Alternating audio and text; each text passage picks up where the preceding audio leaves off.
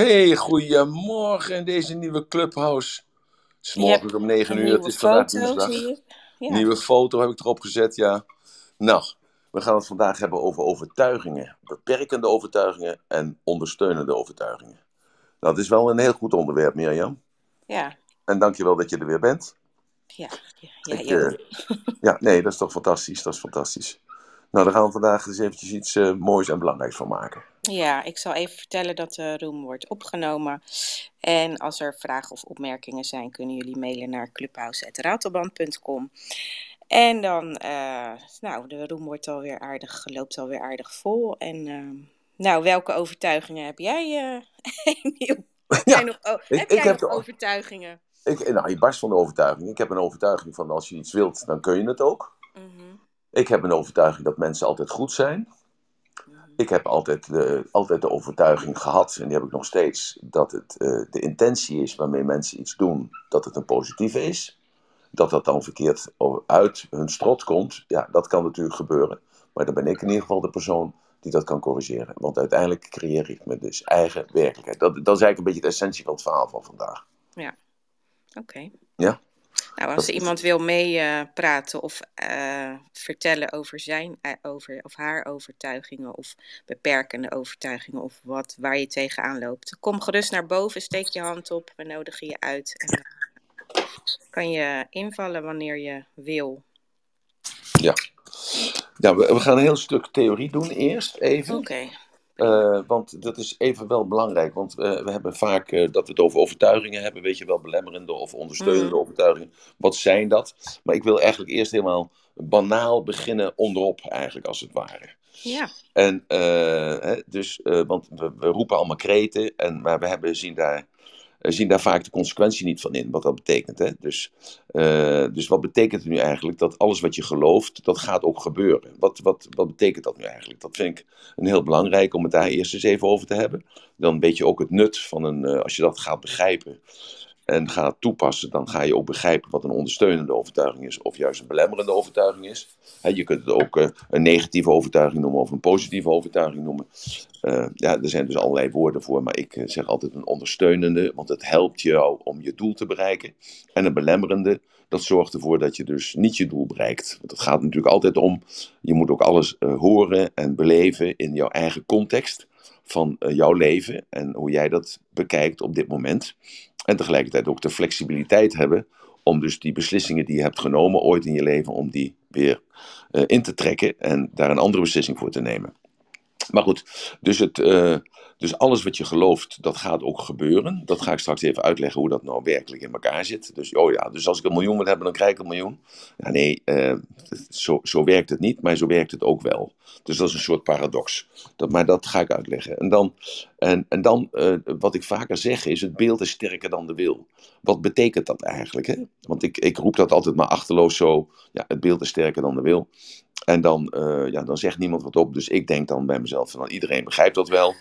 Eh, maar dat hoeft eigenlijk niet zo te zijn. Want als ik met mensen privé spreek, dan zeggen ze altijd van ja, maar wat, wat is dat beeld dan? Want ik, eh, ik kan niet visualiseren. Ik, ik zie helemaal niks. Nou, dat is niet waar. Maar dat denken ze dus dat ze niks zien. En dan zie je dus ook niks. Nou, en, en dat is misschien eigenlijk wel het begin van een overtuiging. Eh, dus datgene wat jij denkt wat het is. Hè? Want wat is een overtuiging? Een overtuiging is dus iets waar jij een, een etiket op geplakt hebt. En ik heb eh, al vaker gezegd, eh, elk woord is geladen. Hè? Dus eh, als ik zeg fiets, of glas, of ik zeg tekening, of ik zeg deur, dan is dat geladen met een beeld. Hè, dat, dat is het beeld. En dat beeld, dat, dat, dat zie jij dus voor je. En die betekenis van dat beeld, dat zijn ook afspraken. Hè? Zo hebben we afspraken gemaakt in onze maatschappij. Bijvoorbeeld, je houdt rechts bij het verkeer. Je stopt voor een rood stoplicht. Eh, als je de straat oversteekt, dan doe je dat eh, eh, via de zebra. Zo. En, en als een agent wat zegt, dan luister je. En als je een bonnetje krijgt, dan neem je dat in ontvangst en dat ga je betalen. Zo. Zo hebben we dus allemaal afspraken met elkaar gemaakt over een aantal zaken, waardoor wij dan een bepaald beeld hebben van die situatie. Dus bijvoorbeeld de politieagent heeft daarom een uniform aan. Een, een, een rechter heeft daarom een uniform aan. Zo weten wij dus dat we allemaal hetzelfde beeld hebben van die politieagent of van die BOA eh, of een rechter, of een brandweerman, of een, ziekenverpleegster, of ja, noem maar op. dat zijn dus uniformen, dus uniformiteit. Maar zo hebben we ook allerlei beelden van een bakker of een slager. Hè, of uh, van, een timmerman. Of van iemand die achter de pc zit de hele dag. Of een schoonmaakster. Of iemand die minderwaardig is. Of iemand die superieur is. Zo hebben we allemaal beelden daarvan gemaakt. Zo. Dus, en je moet onthouden, wij zijn dus dieren. Hè? We, gaan, we pakken dus even weer die darwinistische, darwinistische evolutie op. We zijn dus dieren en we zijn voornamelijk visuele dieren. Dat is a priori dus uh, elk dier heeft een bepaalde voorkeur. dus je kunt je voorstellen dat een tijger en een leeuw, die zijn ook heel visueel, want dat zijn dus uh, roofdieren. En uh, je hebt dus prooidieren, die hebben ook hele grote ogen, maar ook heel goed geluid, want die horen niet alleen, die zien niet alleen die leeuw aankomen, maar die horen dat. Of die voelen zelfs in de trilling van de lucht dat, dat ze aangevallen worden, zeker dat ze opgevreten worden. Nou, dus daar komt dan weer die, die kreet vandaan: You never get a second chance to make the first impression. dat is ook heel sterk visueel gericht. Je krijgt nooit een tweede, tweede kans om die eerste indruk te vestigen. Dus die eerste indruk is gewoon heel bepalend. Zo. Dus uh, daarom heb ik even erover nagedacht. Toen dacht ik bij mezelf: ja, hoe kan ik dat nou het beste doen? Om dat even met jullie allemaal gewoon uit te, te proberen. En dan dat je dat ook gaat begrijpen helemaal en ook gaat voelen. Dat je die resonantie krijgt. Dat als ik dus iets zeg daarover dat je dus dan gaat begrijpen waarom jij je eigen werkelijkheid maakt. Want bijvoorbeeld als ik zeg fles, hè, aan wat voor fles denk jij dan? Ja, als ik zeg fles, wat voor fles? Hè, jij denkt dus aan een fles die jij dus nu voor jezelf ziet. Want ik vraag aan jou, wat is de kleur van die fles? Hoe groot is die fles? Zit er een etiket op die fles? Is die nog vol? Zo, de, hè? Dus zijn allemaal vragen die ik zou kunnen stellen. Maar ja, ik, ik, ik vertel gewoon een verhaal over een fles. Dus er staat een fles in de kast. En ik, ik pak die fles. En hij valt uit mijn handen en is kapot. Nou, als jij een plastic fles in je hand hebt, is er niks aan de hand, dan stuit hij terug. Heb je een glazen fles in je hand, dan denk je van hij is kapot. Heb je een groene fles, dan kun je er half doorheen kijken. En is het een ondoorzichtige fles. Dan, snap je? Dus jij, hebt, jij vult dat allemaal zelf in. Want ik heb het alleen maar over een fles. Ik ben helemaal niet specifiek of wat dan ook. Ik heb er een fles. En datzelfde is met een tekening. Als ik zeg, god, ik heb een mooie tekening hier voor mij. Nou, wat, wat voor tekening zie jij dan? Ja? Wat voor tekening zie jij dan? Zie je dan een tekening van jezelf? betekent dus een tekening een tekening van jezelf? Of is dat een tekening, het, eerste tekeningetje wat jouw kindje ooit een keer van jou gemaakt heeft?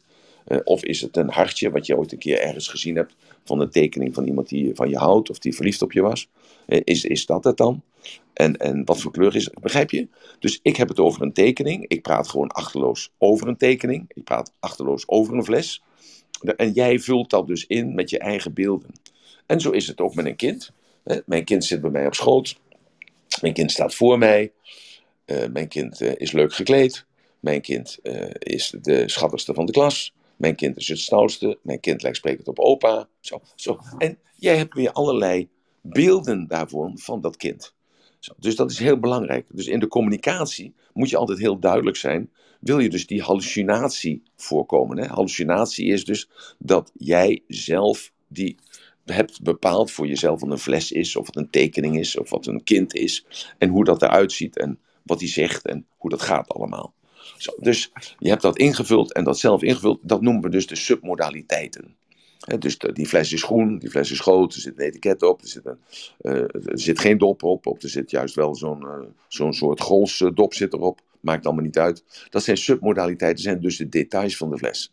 Dus wil ik serieus praten met jullie, dan moet ik uitleggen, die fles die ik in mijn hand heb, dat is een glazen fles met een uh, kroonkurk erop. Je weet wel een kroonkurk is, die moet je eraf halen met, een, uh, met zo'n met zo'n uh, met zo'n kurkentrek. Nee, niet, er zit een kurk op.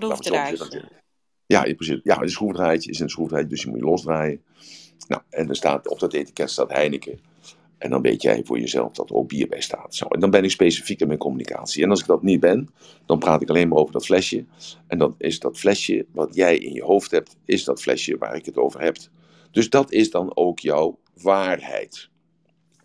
Nou, dus voor jou is dat gewoon heel duidelijk dat ik een groene fles in mijn hand heb. Of uh, voor jou is het heel duidelijk dat ik een plastic fles in mijn hand heb. Of voor jou is het duidelijk dat ik een halve liter fles in mijn hand heb. Of een anderhalve liter fles in mijn hand heb. Want dat is jouw beeld.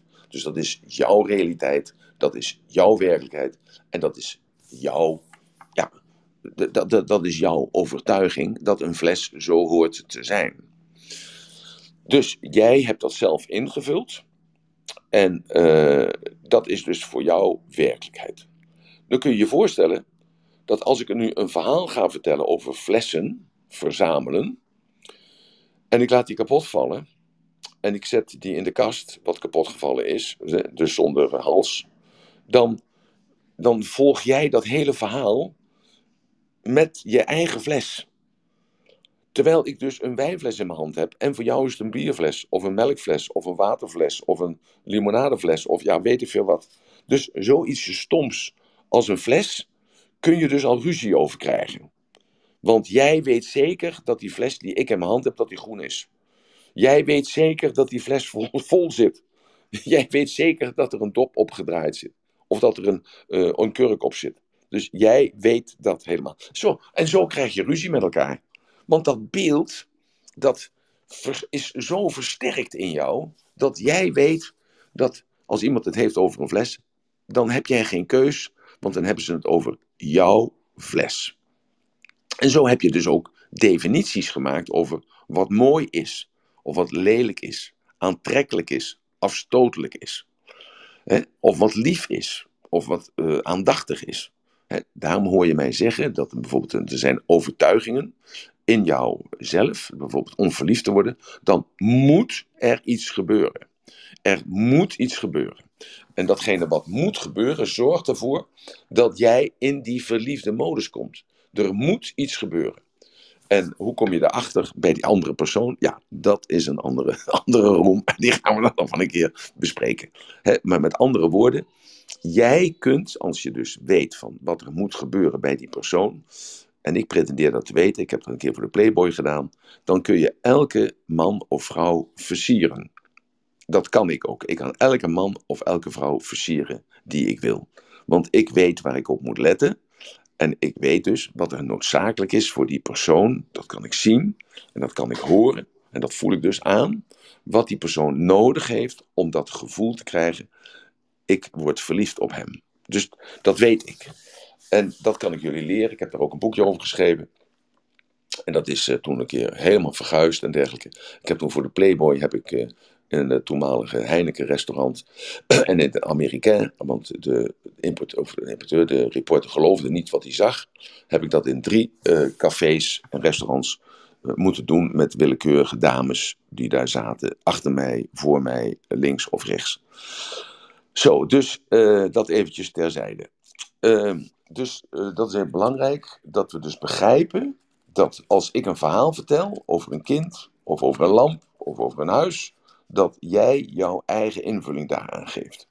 En dat je ook gaat begrijpen dus nu dat uh, ja, dat, dat, dat dat jouw werkelijkheid is. En dat bepaalt ook het verhaal.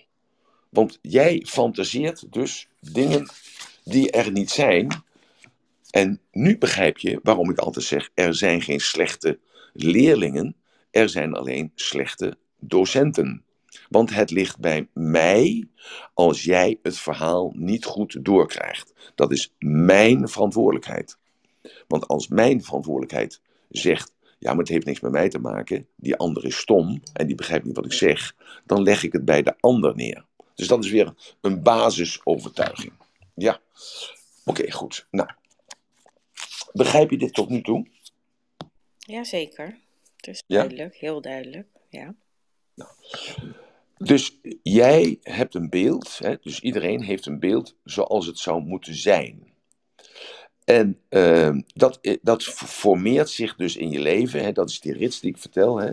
Dus het is de focus, dat is dus de ingesteldheid.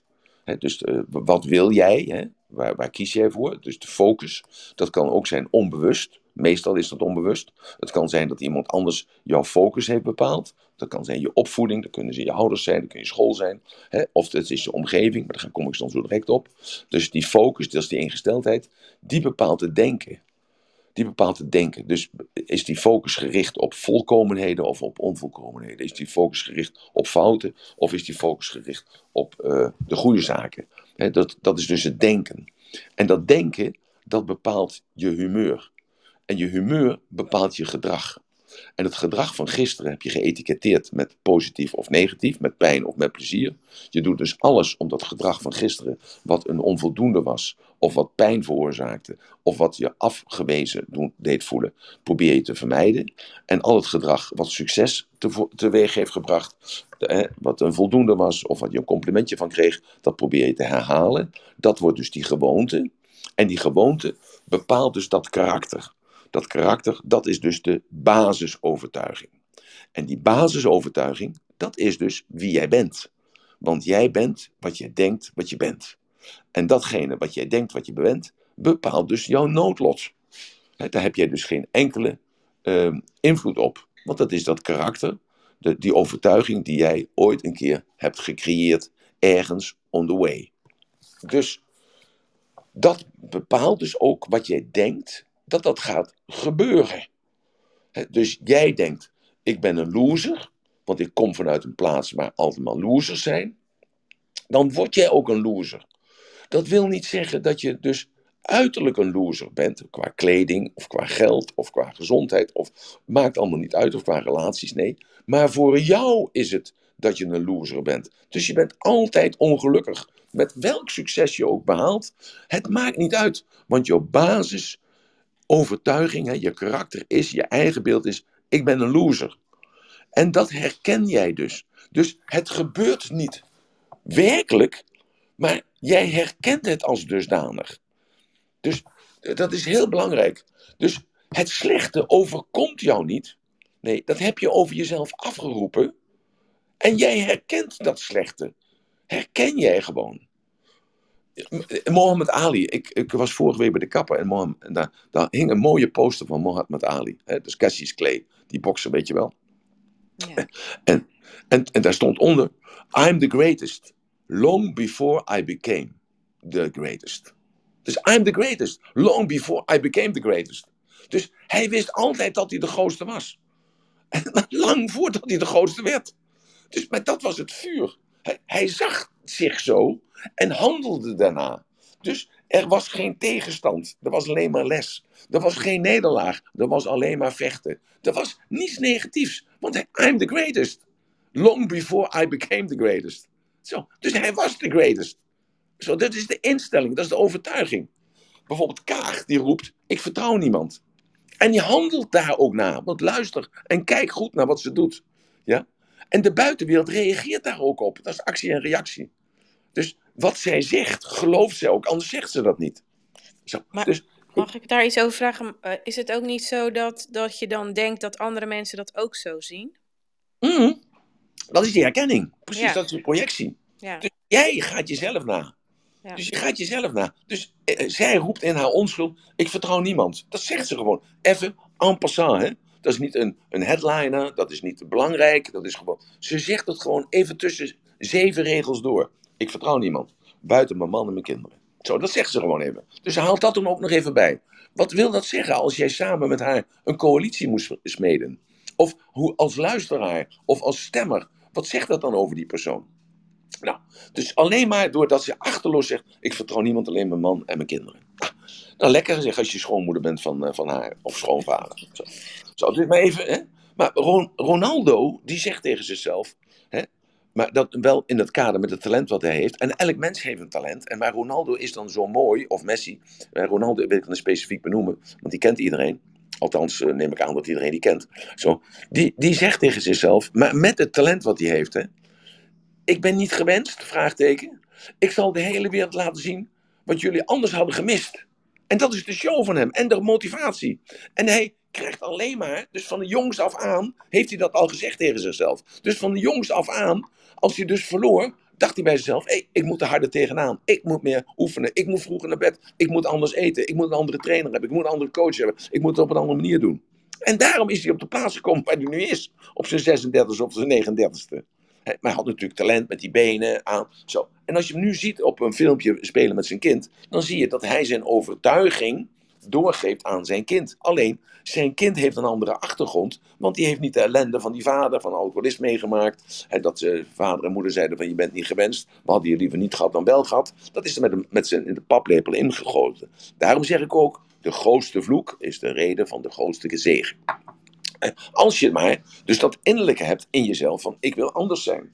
Ik wil anders zijn. Ik ben niet gewenst. Maar bijvoorbeeld Louis van Gaal die zegt we komen op tijd. Dat zegt hij met zijn autoritaire stem. Dus wat doet iedereen? Ze komen op tijd. En we maken afspraken, zegt hij. En we houden ons aan die afspraken. Zo, dat is zijn overtuiging. Hij zegt dat, hij laat dat zien en hij straalt dat uit. En als je dan met hem in gesprek bent, dan voel je dat, dat hij zich aan zijn afspraken had. Dat is zijn charisma.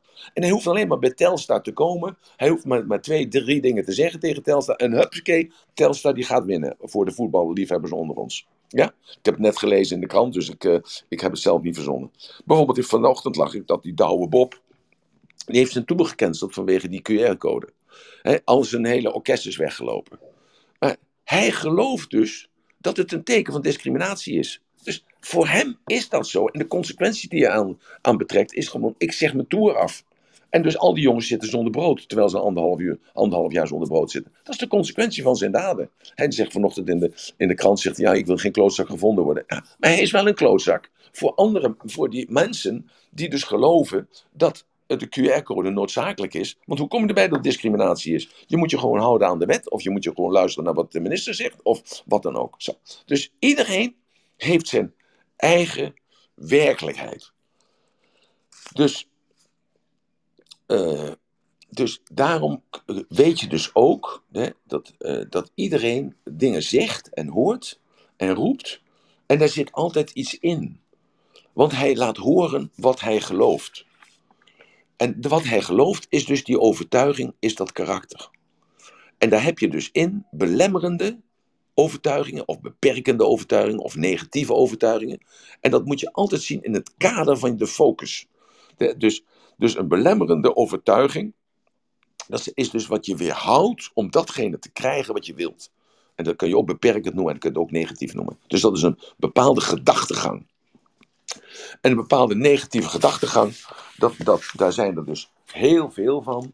Daar, daar kun je hele lijsten over maken. Dat, eens kijken, ik, ik geloof dat ik hier wel wat heb. Uh, belemmerende overtuiging. Iedereen moet mij aardig vinden, bijvoorbeeld. Ik mag geen fouten maken. Slechte mensen moeten hard aangepakt worden. Alles moet, precies gaan zoals ik wil. Ik ben van, afhankelijk van anderen. Ik kan het niet alleen. Ik, uh, ik ben zoals ik ben. Ik ben een dubbeltje zal nooit een kwartje worden. Ik maak me er niet druk om. Uh, dus, ik kan dat zelf niet. Ik ben onhandig. Ik ben verlegen. Ik ben niet slim. Ik ben niet interessant voor anderen. Ik maar kan geen keuzes maken. Ik ben afhankelijk. Ik, ik vind hulpvragen moeilijk. Mensen nemen me niet serieus. Niemand kijkt me aan. Zo, zo, dat zijn allemaal belemmerende, beperkende overtuigingen. Want niemand wil zo zijn. Maar je zegt het tegen jezelf en dus ben je het ook. En, en dat is de essentie. Als je dat nou maar begrijpt, als je, al datgene wat je tegen jezelf zegt, dat ben jij ook. En dat, dat voel jij ook zodanig. Dus heb jij gelijk. En blijf jij in die kring zitten. Die kring zitten van jezelf en kom je niet verder. Dat is een belemmerende overtuiging. En daar, daartegenover zijn dus stimulerende overtuigingen, stimulerende, positieve, ondersteunende, uh, uh, onderbouwde overtuigingen. Hè? Dus dat zijn positieve overtuigingen. Dus, dus degene die je steunen in het bereiken van je doel. En dat zijn overtuigingen van, uh, ja, ik kan goed rekenen, of ik kan goed zwemmen, ik kan gemakkelijk leren, ik ben handig, ik ben gewoon intelligent, ik, ik zie er lekker uit. Ik ben gewoon, ja, als ik een besluit moet nemen, dan, dan, dan neem ik hem gewoon. Ik, uh, ik weet dat ik de meeste ben over mijzelf. Ik, uh, ja, ik, ik ga uit van mijn eigen kracht. En, en wat ik niet weet, dat kan ik toch leren. Zo. Dus dat, is, dat zijn hele andere overtuigingen. Maar wie maakt die overtuigingen nou? Dat doe jij. Dat doe jij. En, en daarom zeg ik zo vaak, het is jouw abstractieniveau. Hè? Dus jouw verstandelijke vermogens die dit gaan begrijpen, dat je dus je eigen leven schept. Jij bepaalt dat dus. Dat is dus dat state management hè? en die zes zuilen hè, van, de, uh, van jouw authenticiteit. Jij bepaalt dat. Nou, en daar heb ik even een paar voorbeelden over nagedacht. Toen dacht ik bij mezelf, ja, je zult er maar, toen dacht ik bij mezelf, ja, makkelijk lullig verband. Maar je zult toch maar in de Bijlmer wonen. Hè? Je zult maar in de Bijlmer wonen. En uh, daar heb je dan die drillraps. En uh, ja, dat is de makkelijkste weg. Denk je dan, denk jij dan als buitenstaander, denk je bij jezelf, ja, hoe kom je dan erbij om je aan te sluiten? Ja, maar als dat nou bij jou past, want daar gaat het namelijk om, hè? Het gaat op een zeker moment, er past iets bij jou en dat, daardoor word je aangetrokken. Want namelijk in het Belmermeer zijn veel meer jongelui die gewoon naar school gaan, die goed hun best doen, die zich aanpassen aan de maatschappij en die dus een voorsprong hebben ten opzichte van die jongens die zich aansluiten bij de drill. En daar ontstaat dus een, een afstand in, en dat noemen we het verschil. En dat mag vandaag de dag, mogen er geen verschillen meer zijn. Er mag geen verschil meer zijn tussen rijk en arm, groot huis, klein huis, intelligent en stom, hè, zwart of wit. Er mag geen verschil meer zijn, want we zijn geen meisje en geen jongen. Nee, we zijn allemaal mens. Nee. Dus, maar er is gewoon verschil en dat begint dus al op de straat. Dat begint dus al thuis. Want waar neem jij een beslissing voor? Neem jij een beslissing om je aan te sluiten bij de drill rap? Of neem jij een aan, beslissing om je aan te sluiten bij, bij de kinderen die zich aanpassen aan de maatschappij? Zo. Dus dat zit dus al in jou. Zo, en daar hebben we het altijd over die ziel. Hè? Dus die ziel die komt hier op deze wereld om dus iets te doen. Er is een plan. En, en jij moet die weg bewandelen. En of je eerst naar die drillrap gaat en daarna sociaal werker wordt. Luister, ik, zeg, ik geef geen waardeoordeel. Hè? Dat doe ik eigenlijk nu al wel. Want ik zeg dus, dus ik, ik noem eigenlijk al drillrap is negatief. Hè, want het positieve eraan is dat je dus dan later social werker wordt. Want dan kun je vanuit ervaring kun je spreken. Zo, zo. Dus, dus ik, ik, ik spreek al, eigenlijk al een oordeel uit. Dat het beter is om je aan te passen aan de maatschappij. dan je uh, af te zetten tegen de maatschappij. door middel van een drill, drill rap aansluiting uh, aan, uh, bij zo'n gang. Zo, en dat laat ik dan ook zien aan mijn zoon. Dus ik wijs hem daar ook op. En ik, zie, kijk, ik kijk naar de voordelen van het ene en ik kijk naar de nadelen van het ander. En dat noem ik opvoeden. Maar eigenlijk programmeer ik hem al voor de toekomst. Dat hij gewoon straks met een stropdas om en een pak aan gaat solliciteren. Dus dat is een hele andere opvoeding. Als dat je zegt, ja, maar ik heb er geen tijd voor. Dus dat is niet kwaad zijn op de ander. Hè? Niet, en niet verwijtend zijn naar de ander. En tegelijkertijd ook weer wel want ik heb zelf deze situatie geschetst waarin ik hem dus op kan voeden. Maar dus de ander die niet toe in staat is, die heeft dat abstractieniveau niet. Die, ja, die zegt, ja maar luister, ik heb geen tijd voor jou en zoek het zelf maar uit. En ga de straat maar op en bekijk het maar. Zo. Maar uiteindelijk neemt hij de beslissing. Of zij de beslissing. Dus dat is dat kind, die neemt de beslissing. Zo. Je woont op de Goudkust, precies hetzelfde hè. Dus het tegenovergestelde van de Bijlmermeer, maar je woont op de Goudkust. Dus dan, dan is het ook van, blijf je dat zo doen? Of ga je juist, uh, word je gewoon een supercrimineel? Want het is namelijk, een zakenman is een supercrimineel, en een supercrimineel is een grote zakenman. Het is maar net hoe je er naar kijkt. als je kijkt naar zo'n Escobar, ja, die had ook de Unilever kunnen leiden. Niet vergeten. En door de macromafia, vandaag de dag, dat zijn jongens die hebben zoveel verstand, die zijn zo slim. Die zijn gewoon veel slimmer dan de rest. dus ik, ik geef dus geen waardeoordeel, ik, maar kijk er even naar, naar de structuren waar zij zich van bedienen. En dan de overheid die loopt erachteraan. Die zegt, ze loopt ze af te luisteren en toestanden en zo allemaal. Maar die jongens zijn dan weer veel verder. Zo. Dus ik wil maar even zeggen. Dus het maakt geen verschil wat de start is. Het gaat om jouw karakter. Hè? Dus de ziel. De karakter is dus datgene wat jij gaat geloven. Maar het is de ziel. Dus het onderbewuste, het collectieve, hè, waar je aansluiting aan hebt. Dus het ziel, dus jouw uniek zijn. Dat bepaalt waar je voor kiest. En er is dus geen goed of fout, want het is niet fout om te kiezen voor de drill rap, want je moet er overheen kunnen kijken in de toekomst. Zal dit de oorzaak zijn dat hij of zij juist, ja, positief of negatief, in ieder geval, er gebeurt altijd iets in zijn of haar leven, wat dus een consequentie is van de, uh, van de beslissing die hij ooit heeft genomen, of zich aan te passen aan de maatschappij, of zich aan te sluiten aan de drill rap. Dus wat wil jij met jouw kind? En wat, wat wil jij als je als kind bent en je hebt dat abstractieniveau al waar we het nu over hebben. Dus het maakt geen verschil of je op de Goudkust opvoedt of op de Bijlmer. Uiterlijk lijkt dat wel, maar dat is niet zo. Het gaat om de instelling van die persoon. En ik herinner nog even aan de, de kreet van een aantal weken geleden. Slechte tijden creëren sterke mensen. Sterke mensen creëren goede tijden. Goede tijden creëren zwakke mensen. En zwakke mensen creëren slechte tijden. Hè? Herinner je dat nog, uh, Mirjam? Ja, zeker. Daar was het. Zo.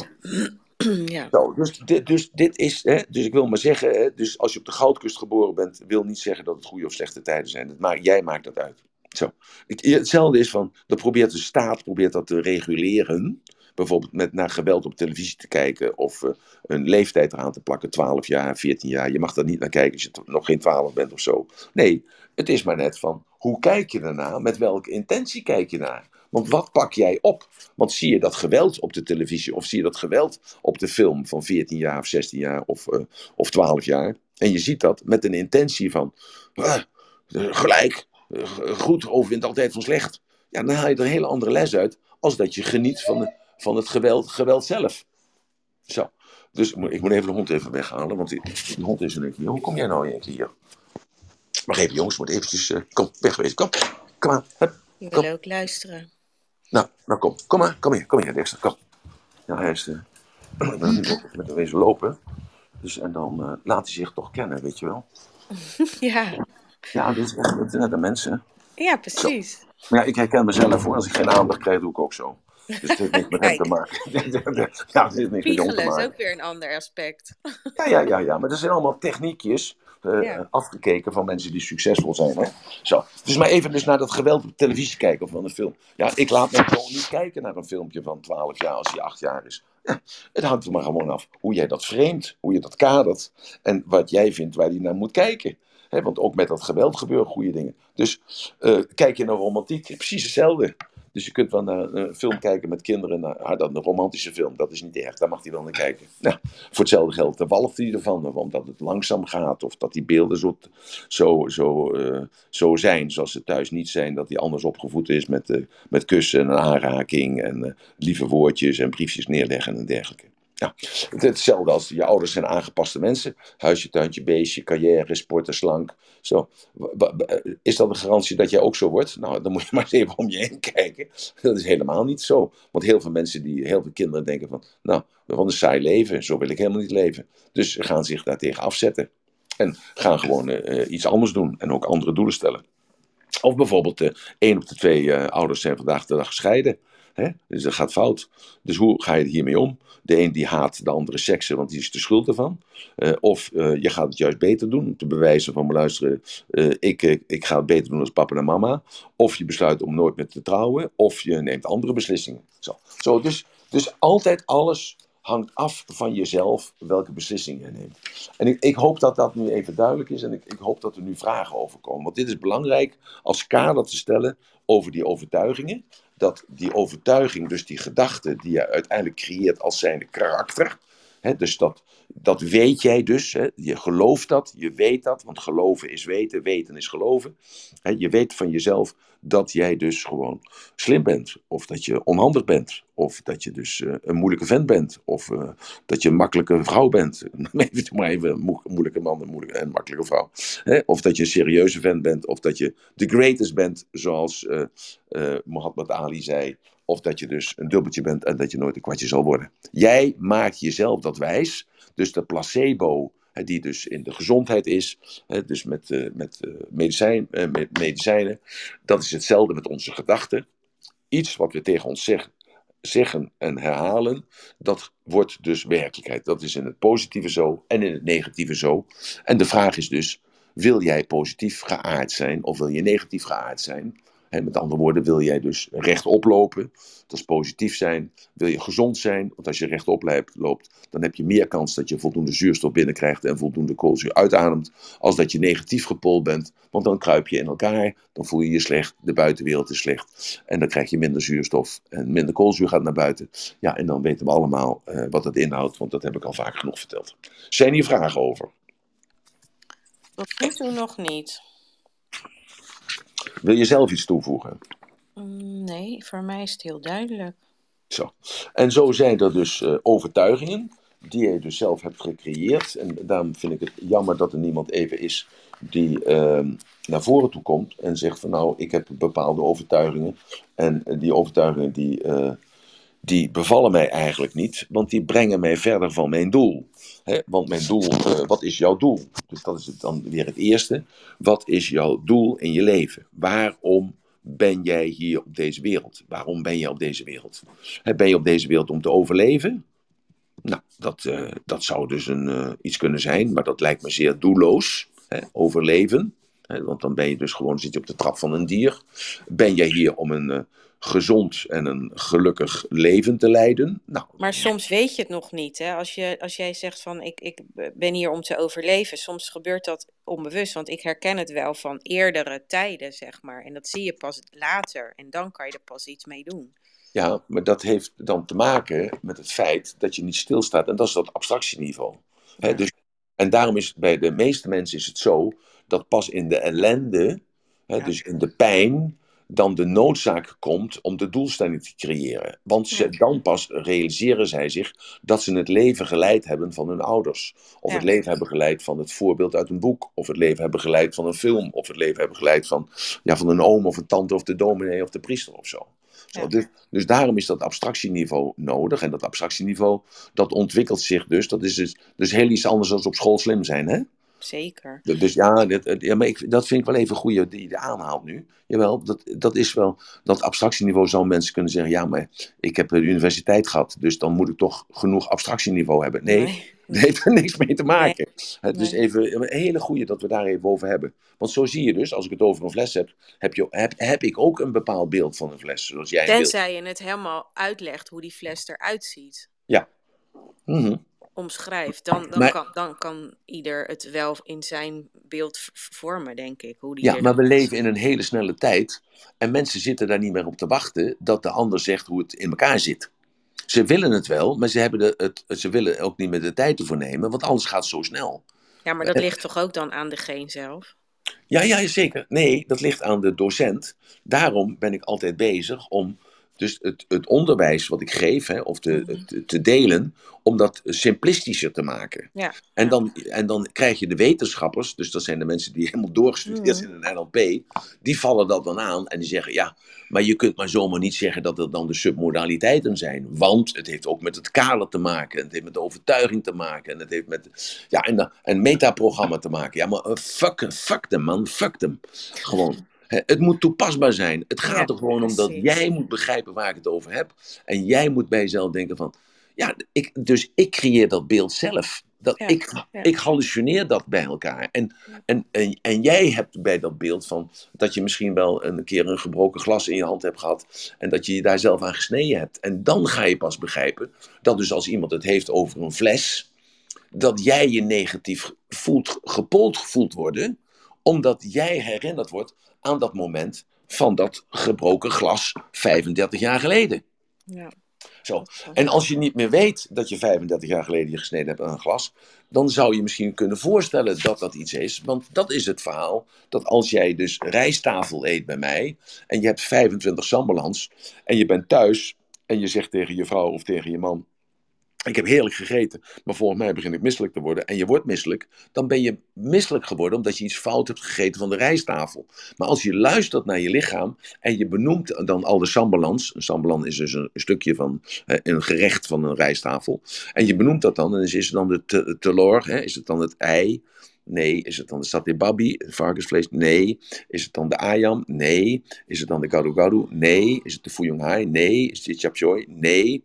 Eh, wat zou het dan zijn? Is het dan de nasi? Bah! Zo, je lichaam geeft aan dat het een nasi is. En dus Alleen het is niet de bewust van zijn. Ja. Ja, ja, maar dat moet je wel weten, dat je dat Mhm. moet vragen. Dat- Maar dat weet je wel, maar je bent vergeten. Zo. Ja. Ja. Dus, dus elk mens weet waarom die op deze wereld is. Dat weet elk mens. Dat weet elk mens. Want elk kind heeft zijn dromen. Vraag je maar eens aan een kind van drie, vier, vijf jaar, zo'n beetje in die periode, wat wil je worden? En dan willen ze allemaal of eh, brandweerman worden, of eh, politieagent worden, of piloot worden, of rijk zijn, of een Lamborghini hebben, of, of, of moeder zijn, of de, de, politicus worden of zo. En dat ze dat bijschalen, dat maakt niet uit, maar het gaat om dat de denkrichting van dat kind zit dus al op een bepaalde manier. Zonder dus dat er bewuste voorbeelden zijn geweest. Dat is allemaal onbewust geweest. Dus het bewustzijn zorgt ervoor dat je, dat is dus de paradox, het bewustzijn, als je erover nadenkt, zorgt ervoor dat het onbewuste, het onbewuste weten, ingedekt wordt, afgedekt wordt. Dat je daar geen toegang meer toe hebt. En de kunst is in het leven, en dat is abstractieniveau, is dat je dus die, die realiteitszin hebt van vandaag, dat is één, en tegelijkertijd dus dat kunt verzinnen dat het anders zou kunnen worden. En dat is, dat, dat, is die, die, die, dat abstractieniveau. Dat je het voorstellingsvermogen hebt gehouden van een kind. Ja. En dat je zo kan schakelen. Oké. Ja, voor mij is het helder. Roelof is erbij gekomen. Roelof, had Ja. jij een aanvulling of een vraag? Nou, ik zit aandachtig te luisteren en ik, ik, eigenlijk moet ik zeggen dat ik, eh, dat, dat ik heel nieuwsgierig ben, eh, zeg maar, hoe je praktisch gezien, hoe je, hoe je van negatieve eh, overtuigingen afkomt. Want ehm, ik heb er best wel veel in hardnekkige en ik doe echt mijn uiterste best en ik pro- probeer het ook te doorgronden en, en het ook eh, los van mezelf te zien. En, eh, maar Ehm, op het eind van de dag kijk ik naar de resultaten en die vallen tegen. Jij zegt dat ze tegenvallen. Ja. Jij zegt dat je tegenvallen. Maar luister, als je 99 dingen, 99 dingen moet doen om succesvol te zijn, als dat een regel is, en je hebt er maar 98 gedaan, dan ben je voor mij ben je een winnaar. En jij kijkt naar die 98 en je zegt, ja, ik had die laatste nog moeten doen, ik ben een loser. Dus wie bepaalt het dan? Ja, nou, ik denk, ik denk dat mensen gewoon uh, resultaat uh, gericht zijn en, de, en, en daar ga je dan aan meten. Maar inderdaad, dan wil je een bepaald resultaat hebben en dat heb je niet. Maar je hebt waarschijnlijk, in, nou ja, in mijn geval best wel veel dingen al gedaan en goed gedaan. Maar wat, wat maakt het dan en niet dat... goed gedaan? Jij hebt dat allemaal noodzakelijk gedaan, totdat je dus dat abstractieniveau terugkrijgt. Want je bent verblind. Jij ja. kijkt naar hetgene wat niet goed is gegaan. Je moet juist kijken naar het, wat, wat je wel hebt gedaan. En daar je... Ja. Daar je uh, daar, dat is de essentie van de zaak. En als je dus dat begrijpt, en daarom is het zo belangrijk, anders herhaal ik nog eventjes het hele verhaal, dat je dus in je leven, heb je dus elke keer gehallucineerd. Je hebt een aantal zaken meegemaakt, je hebt een fles gehad in je leven, Dat, kan, dat een zuigfles, of een bierfles, of een melkfles, of een, uh, ja, een koffiefles, of ja, weet wat voor flessen er allemaal zijn. Ja, om dat stomme voorbeeld maar te noemen. En je hebt duizenden flessen meegemaakt in je leven. Hè? Verschillende soorten flessen heb je meegemaakt. Alleen er is één fles die is opgevallen. Want die ene fles, als ik praat over een fles, dan zie jij die fles voor je. En of dat een groene is, een gele is, of een grotere of een kleine, of een, een plastic, of een, of, een, of, een, of een houten fles, of een uh, glazen fles, dat weet ik niet wat jij denkt. Maar jij hebt ooit een keer een beslissing genomen: dit is een fles voor mij. Je hebt ooit een keer een beslissing genomen: dit is mooi voor mij. Je hebt ooit een keer een beslissing genomen: dit is aantrekkelijk voor mij. Je hebt ook ooit een keer een beslissing genomen: dit is rijk voor mij. Zo. Je hebt een beslissing genomen, ooit een keer. Maar dat gaat onbewust, hè? Want 98% van datgene wat we doen gaat onbewust. En omdat je dat niet weet, is het gewoon wel zo dat je gewoon vanaf dat moment daarvan uitgaat. Dat voor jou mooi dus die definitie is. En dat is dan je dat... eigen werkelijkheid. Dat is jouw werkelijkheid. Ja. En dus, dus is het ook zo. Ja. He, dus wat jij, wat jij jezelf voorspiegelt, wat jouw interne representatie is, wat jij kijkt binnenin. Ik zeg wel vaker, je zit bovenop je hoofd en binnenin zitten al die mannetjes en vrouwtjes die zijn druk aan het werk voor jou om te zorgen dat die bacillen eruit gehaald worden en dat, eh, dat met die virussen gevochten wordt en dat je gezondheid kunt behouden. En misschien is hetzelfde met je gedachten. Dus jij zit voor je eigen bioscoop. En jij hebt je eigen film gemaakt. En jij ziet jezelf als kind zijn, dan zie je jezelf nog in de box zitten. En je moeder loopt eromheen en die kijkt neerbuigend naar jou. En jij roept om aandacht. En jij krijgt geen aandacht. En jij voelt je gefrustreerd. En jij bent gefrustreerd. En jij bent dus nu ook gefrustreerd. Door het feit dat je moeder zo nadunkend naar je keek. Maar jij hebt die film gemaakt. En het is zo heerlijk om de schuld aan je moeder te geven. Of de schuld aan je vader te geven die nooit thuis was. Mijn zoon zei tegen mij: Jij was nooit thuis. Ik zeg: Wat lul je nou, man? Ik zeg: uh, Noem nou eventjes de landen op waar je niet geweest bent met je vader. Buiten Zuid-Amerika, want daar wil ik niet komen. Hij zei: Ja, maar dat was een compensatie voor het gedrag dat je nooit thuis was. Ik zei: Houd toch op, man, die lulverhalen. Hoor je wat ik zeg? Lulverhalen. Maar dat heeft hij ervan gemaakt. Dus ik weet precies hoe het werkt. Maar hij heeft het ervan gemaakt. Want hij voelde zich tekort gedaan. Dus wat ik ook deed, hij voelde zich tekort gedaan. En hij voelt zich nog steeds tekort gedaan. En hij compenseert dat door middel van zaken, enzovoort, enzovoort, enzovoort. Maar dat is een tweede. En zo zitten mensen in elkaar. En dat is oké. Dat maakt niks uit. Totdat je zelf weet van, dient het mij Voel ik me er goed bij? Want er zijn ook mensen die zijn helemaal zo geprogrammeerd in zichzelf dat ze dus medelijden willen hebben. En dat ze dus daardoor ook medelijden krijgen. Of ze willen tijd hebben, of ze willen aandacht hebben. En creëren daardoor ziektes. Creëren daardoor ziektes, geestelijke ziektes en lichamelijke ziektes. Is, is echt zo, jongens en meiden, zoals jullie luisteren nu vandaag de dag. Is echt waar. Want het neemt een vorm aan waar je, waar je helemaal geen voorstelling van kunt maken. Als je positief gericht bent. En gelukkig maar. Maar het is gewoon zo. Want de placebo werkt naar boven, maar werkt ook naar beneden. Dus werkt voor je, maar werkt ook tegen je. En als je dat nou begrijpt, dan ben je er gewoon. Dan maak je een kwantumsprong in je beleving. Dan stop je met hem de schuld te geven of haar de schuld te geven. Dus ik haal weer dat voorbeeld aan van die brandweerman. die zelfmoord heeft gepleegd. Omdat ze dus die brandweerlieden een grapje met hem uithaalden. Wil je een tientje verdienen? En zijn gretigheid zei, ja, ik wil een tientje verdienen. Wat moet ik dan doen? Hij zegt, nou, zegt die andere brandweerman. Ik maak, ik, uh, ik hak, nee, hoe is het? Ik breek drie eieren op je hoofd. Nou, zegt die vent, ik ga zitten, begin maar. Nou, en bij twee eieren stopte die. En toen zei hij, ja, de derde ei moet je ook nog doen. Nee, de derde ei doe ik niet meer. nou, dus iedereen lachen, gieren, brullen. En uiteindelijk heeft dat ervoor gezorgd, vier jaar later, dat hij zelfmoord heeft gepleegd. Dat zeggen ze dus. Maar het is zijn beleving. En die brandweerlieden, die worden dus nu met dit probleem geconfronteerd. En dat wordt dus het probleem van de weduwe en van, van de man die zelfmoord heeft gepleegd, wordt nu een probleem van 25 collega's. Die straks PTSS hebben en straks gefrustreerd zijn en straks bij de psycholoog moeten lopen en straks niet meer kunnen werken. En het zal jouw huis maar zijn in Amsterdam, wat dus in de fik gaat. En dus door, door deze toestand, dat die mensen allemaal in de ziektewet lopen en dat je huis afbrandt. Dat zijn de consequenties daarvan. Ja, ik denk wel dat het een wisselwerking is met sommige dingen. Maar um, in, in de essentie snap ik het. En... Ik chargeer. ja, oké. ja, maar ik, ik, ik, ik blaas het, het op. Aan. Ja, ik blaas het op ja. om het gewoon. Ja, maar ik voel de weerstand van jou daarin. En dat mag, want ik ben mannelijk. Ja, en jij bent vrouwelijk. Ja, want je bent echt een vrouw. En het is mijn mannelijke deel in mijn mannelijk zijn die dit vertelt. Dus ik ben er snoeihard in. ik mhm. maak een, dus ik maak gewoon een, een uh, analyse. En ik ga heel snel, want er waren acht pagina's in het NRC. Ik heb ze, uh, of nee, het was de Volkskrant. Het was de Volkskrant.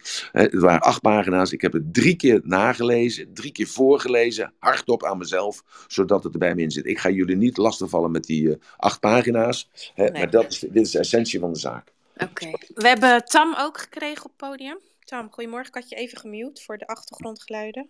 Ik wil je toch even tam voordat je begint. Ja? Uh, ja nee, nee, nee. Hartstikke fijn dat je er bent. Uh, dus ja, ik ben hier snoeihard in. Ja, misschien is het in deze tijd ook wel noodzakelijk om snoeihard te zijn. Om eens een keer te zeggen de andere kant, zoals het werkelijk is. En niet zoals het voorgespiegeld wordt. Oké, okay, Tam. Sorry ja. dat ik dat nog even wilde benadrukken. Nee hoor, nee, hartstikke mooi. Nee, daar, ben ik het ook mee eens. Want ik vind het wel belangrijk dat, hè, dat wat je zegt, hè, dat, je, dat je hard moet zijn. Maar om even terug te komen op, op de realiteit van een ander. Hè, zoals ja. je zelf al benoemt, jouw zoon, hè, die, die, die, daar een realiteit in heeft. Uh, is het dan niet handiger om te zeggen van oké, okay, dat is jouw realiteit, die mag er zijn. Die pijn mag er zijn, die afwijzing mag er zijn. Uh, de verlating die je hebt gevoeld mag er zijn. Maar uh, dat was zeker niet mijn intentie. Waardoor je, het, waardoor je het kind dus niet onderuit haalt. Of een ouder, volwassen, dat maakt niet uit. Hè? Mm -hmm. Want wij kunnen ook ieder onze eigen realiteit hebben. Maar waardoor je dus wel um, um, um, niet bevestiging, maar ja, wat, wat, ik zeg. Je haalt het niet onderuit. Je bevestigt van oké, okay, dat is jouw realiteit. Het maakt niet uit wat je doet. Het maakt helemaal niet uit wat je doet. Want dat is nou het voorbeeld van je groeit op in de ghetto, in de Bijlmermeer. Ik noem dat maar even. En er zijn ook hele stukken in de Bijlmermeer die hartstikke mooi zijn. Uh, ja. Of je groeit op in de Goudkust. Het is ja. beide geen garantie voor een goed of een slecht leven te leiden. Het, nee, nee, nee, maar dat, dat is een keuze. Dat, dat is absoluut een keuze. Maar daar moet je achter komen. Daar moet je eerst voor, althans dat is, dat, dat is mijn gevoel, dat daarvoor moet je eerst genezen. Dus de afwijzing en alles wat je hebt meegemaakt in je leven, moet je eerst gaan genezen. Je moet de mensen, kijk, je, bijvoorbeeld, hè, bijvoorbeeld zo, jouw zoon is een heel, heel mooi voorbeeld, uh, die voelde zich afgewezen. Ja. De enige reden, of de enige reden die hij dan nu kan hebben, is jou vergeven. Als hij jou beter kan begrijpen waarom jij toen destijds de keuze hebt gemaakt die je hebt gemaakt. Nee, om je gezin te voeden. nee natuurlijk, natuurlijk, natuurlijk. Maar ik geef even aan, gewoon Mhm. even in een, eh, in een zakelijke discussie. In, een, in het voorbeeld haal ik dit voorbeeld aan. Ja, Want natuurlijk heb ik met hem ben ik gaan, gaan zitten en gaan praten en dergelijke. Maar hij was al zo ver dat er niet meer te praten valt, want, viel, Ja. want het was gewoon zijn beslissing. En iedereen die tegen hem zei van ja, maar dat kan toch niet zijn wat je zegt, want pa die doet altijd, die bracht jullie altijd naar school, weet je wel. Dat, ze, Ja. dat zei bijvoorbeeld een vriendje van hem. En zei ja, maar dat was ook alleen maar compensatie. Ja, dus hij heeft alleen maar die momenten bedacht dat hij zich alleen voelde en dat ik er niet was. En dat, dat mag, dat kan. ja, ja. Hè, maar hij moet zich daar bewust van worden. Maar hij is er nog niet aan toe. Hij Of hij, of hij komt er nooit aan toe. Of hij komt er nooit aan toe. Ja, sommige mensen vinden de pijn ook heel erg fijn. Dat is, dat is, ook daarin heb je een keuze. Ja, Maar dat, dat, daar moet je wakker voor zijn. Of daar moet je zoveel harde lessen voor hebben meegekregen. Eh, waardoor je dus elke dag op kan staan en zegt van nee, ik, ik kies voor mijn geluk. Ik, ik, dat. Ja, het, het mooiste voorbeeld is eigenlijk weer die eh, notaris eh, van eh Pels Rijken. Hè? Dat is dus de, de, de staatsadvocaat. Dat is een van de grootste advocatenkantoren van Nederland. Het grootste advocatenkantoor van Nederland. En die meneer Oranje was notaris daar. Pardon, ik hoor allemaal geluid op de achtergrond. Oh, sorry. Eh, die meneer eh, die was notaris, dus dat is dan een nette vent, zouden we zeggen. En nou, hij sprak zelf met de koning en hij was eh, helemaal politiek. Rutte zat bij hem, Grappenhaus zat bij hem op visite altijd. Hij regelde daar de zaakjes voor. En die heeft gewoon de zaak besodemieterd. Die heeft gewoon iets van, van 20 miljoen of 30 miljoen. Heeft hij gewoon van derde rekening. Dat is een rekening die gestald wordt, waar je je geld neer moet zetten als je, als je een huis verkoopt of een huis koopt of zoiets in de geest. Heeft dat, eh, dat geld heeft hij gewoon eh geloosd en dat is weg.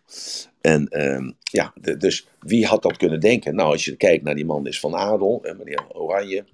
Het is geen familie van, eh, van eh, Willem-Alexander trouwens. Maar het is wel eh, een adel, adellijk figuur, een heel erudiet figuur. Ik heb hem toch wel een keer ontmoet. En ik dacht bij mezelf, kijk jij even fout in je ogen, dacht ik bij mezelf. Maar ik kon niet bevroeden dat het zo erg was, eh, wat ik nu eh, vandaag de dag lees. Zo, ik geef me even aan. Dus de grootste criminelen, dat, eh, dat hoeft niet iemand te zijn die uit, uit de Bijlmer komt of uit Utrecht-Zuid of wat, wat is het daar, weet ik veel wat komt. Dat is absoluut niet waar. Het gaat er alleen om, die man of die vrouw heeft bepaalde capaciteiten. En die gebruikt die capaciteiten dan op een foute manier, op de verkeerde wijze, omdat wij met elkaar afspraken hebben gemaakt. Maar zou je die persoon naar eh, Afghanistan brengen, of naar Irak brengen, of eh, naar een ander oorlogsgebied brengen, Syrië brengen, dan blijken in één keer die eigenschappen blijken in één keer eh, goed te zijn. Kijk naar Marco Kroon.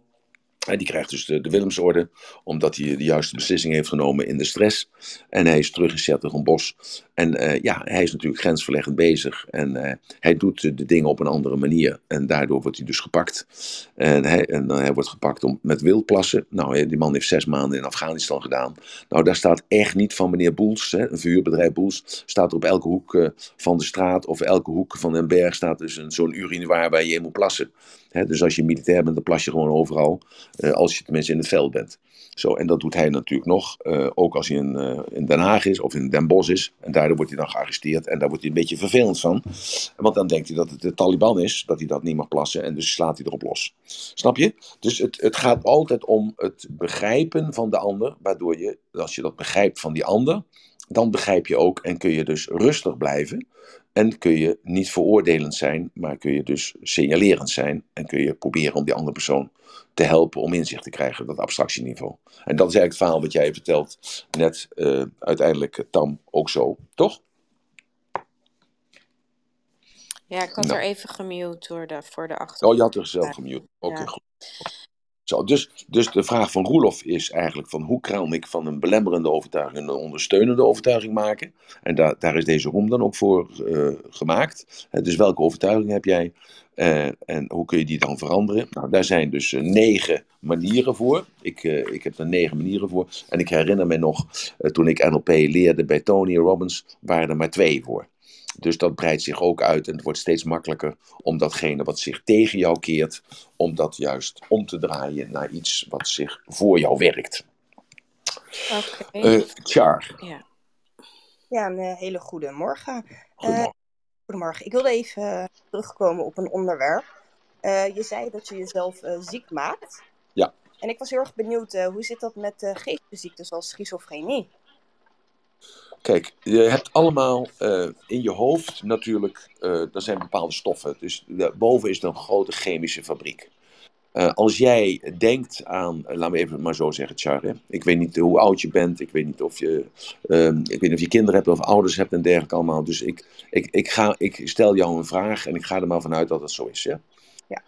als je nou terugdenkt aan uh, de kleuterschool, of je denkt terug aan, de, beter aan je lager onderwijs, en je denkt eraan terug, hoe voel je je dan?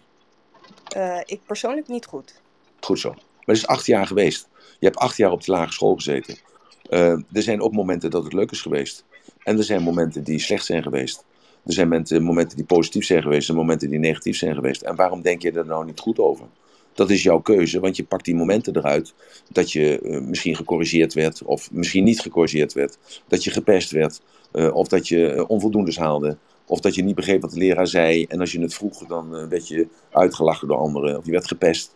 Zo. Dus, en dat geeft jou de conclusie van, eh, eh, niet, niet goed, ik voel me daar niet lekker bij. Maar als je daar naar beneden wordt gehaald... Ja, jouw beleving. Kijk, ze kunnen jou niet naar beneden halen. Want dat bestaat helemaal niet. Tam, wil jij jezelf even muten, alsjeblieft? Oh ja, sorry. Ja, ik zat er doorheen te praten. Dankjewel. Dus uh, jij, kijk, als kind zijnde, ik begrijp dat natuurlijk wel. Alleen als je dan ouder wordt, dan moet je dat rechtzetten. Daarom, daarom zei uh, uh, Tamze net ook van we vergeven. Want als je dus hen vergeeft, dan ben je er vanaf. Want het vergeven doe je niet om de ander, maar het vergeven doe je om jezelf. Het gaat om. Ervaring dat bepaalde trauma's, dat dat gewoon in je cellen zit. Dus dat jij ja. ook anders reageert, wat jij net vertelde over die man, ja.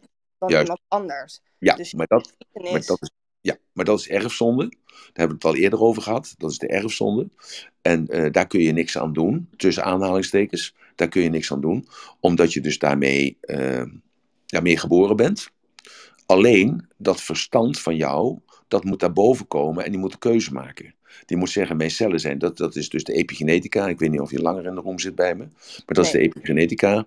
En de epigenetica hebben we het ook een keer over gehad. Daar wil ik het morgen wel weer over hebben. Dat is dan dat je met je gedachten de chemische storm uh, voert en leidt in je hoofd en in je lichaam.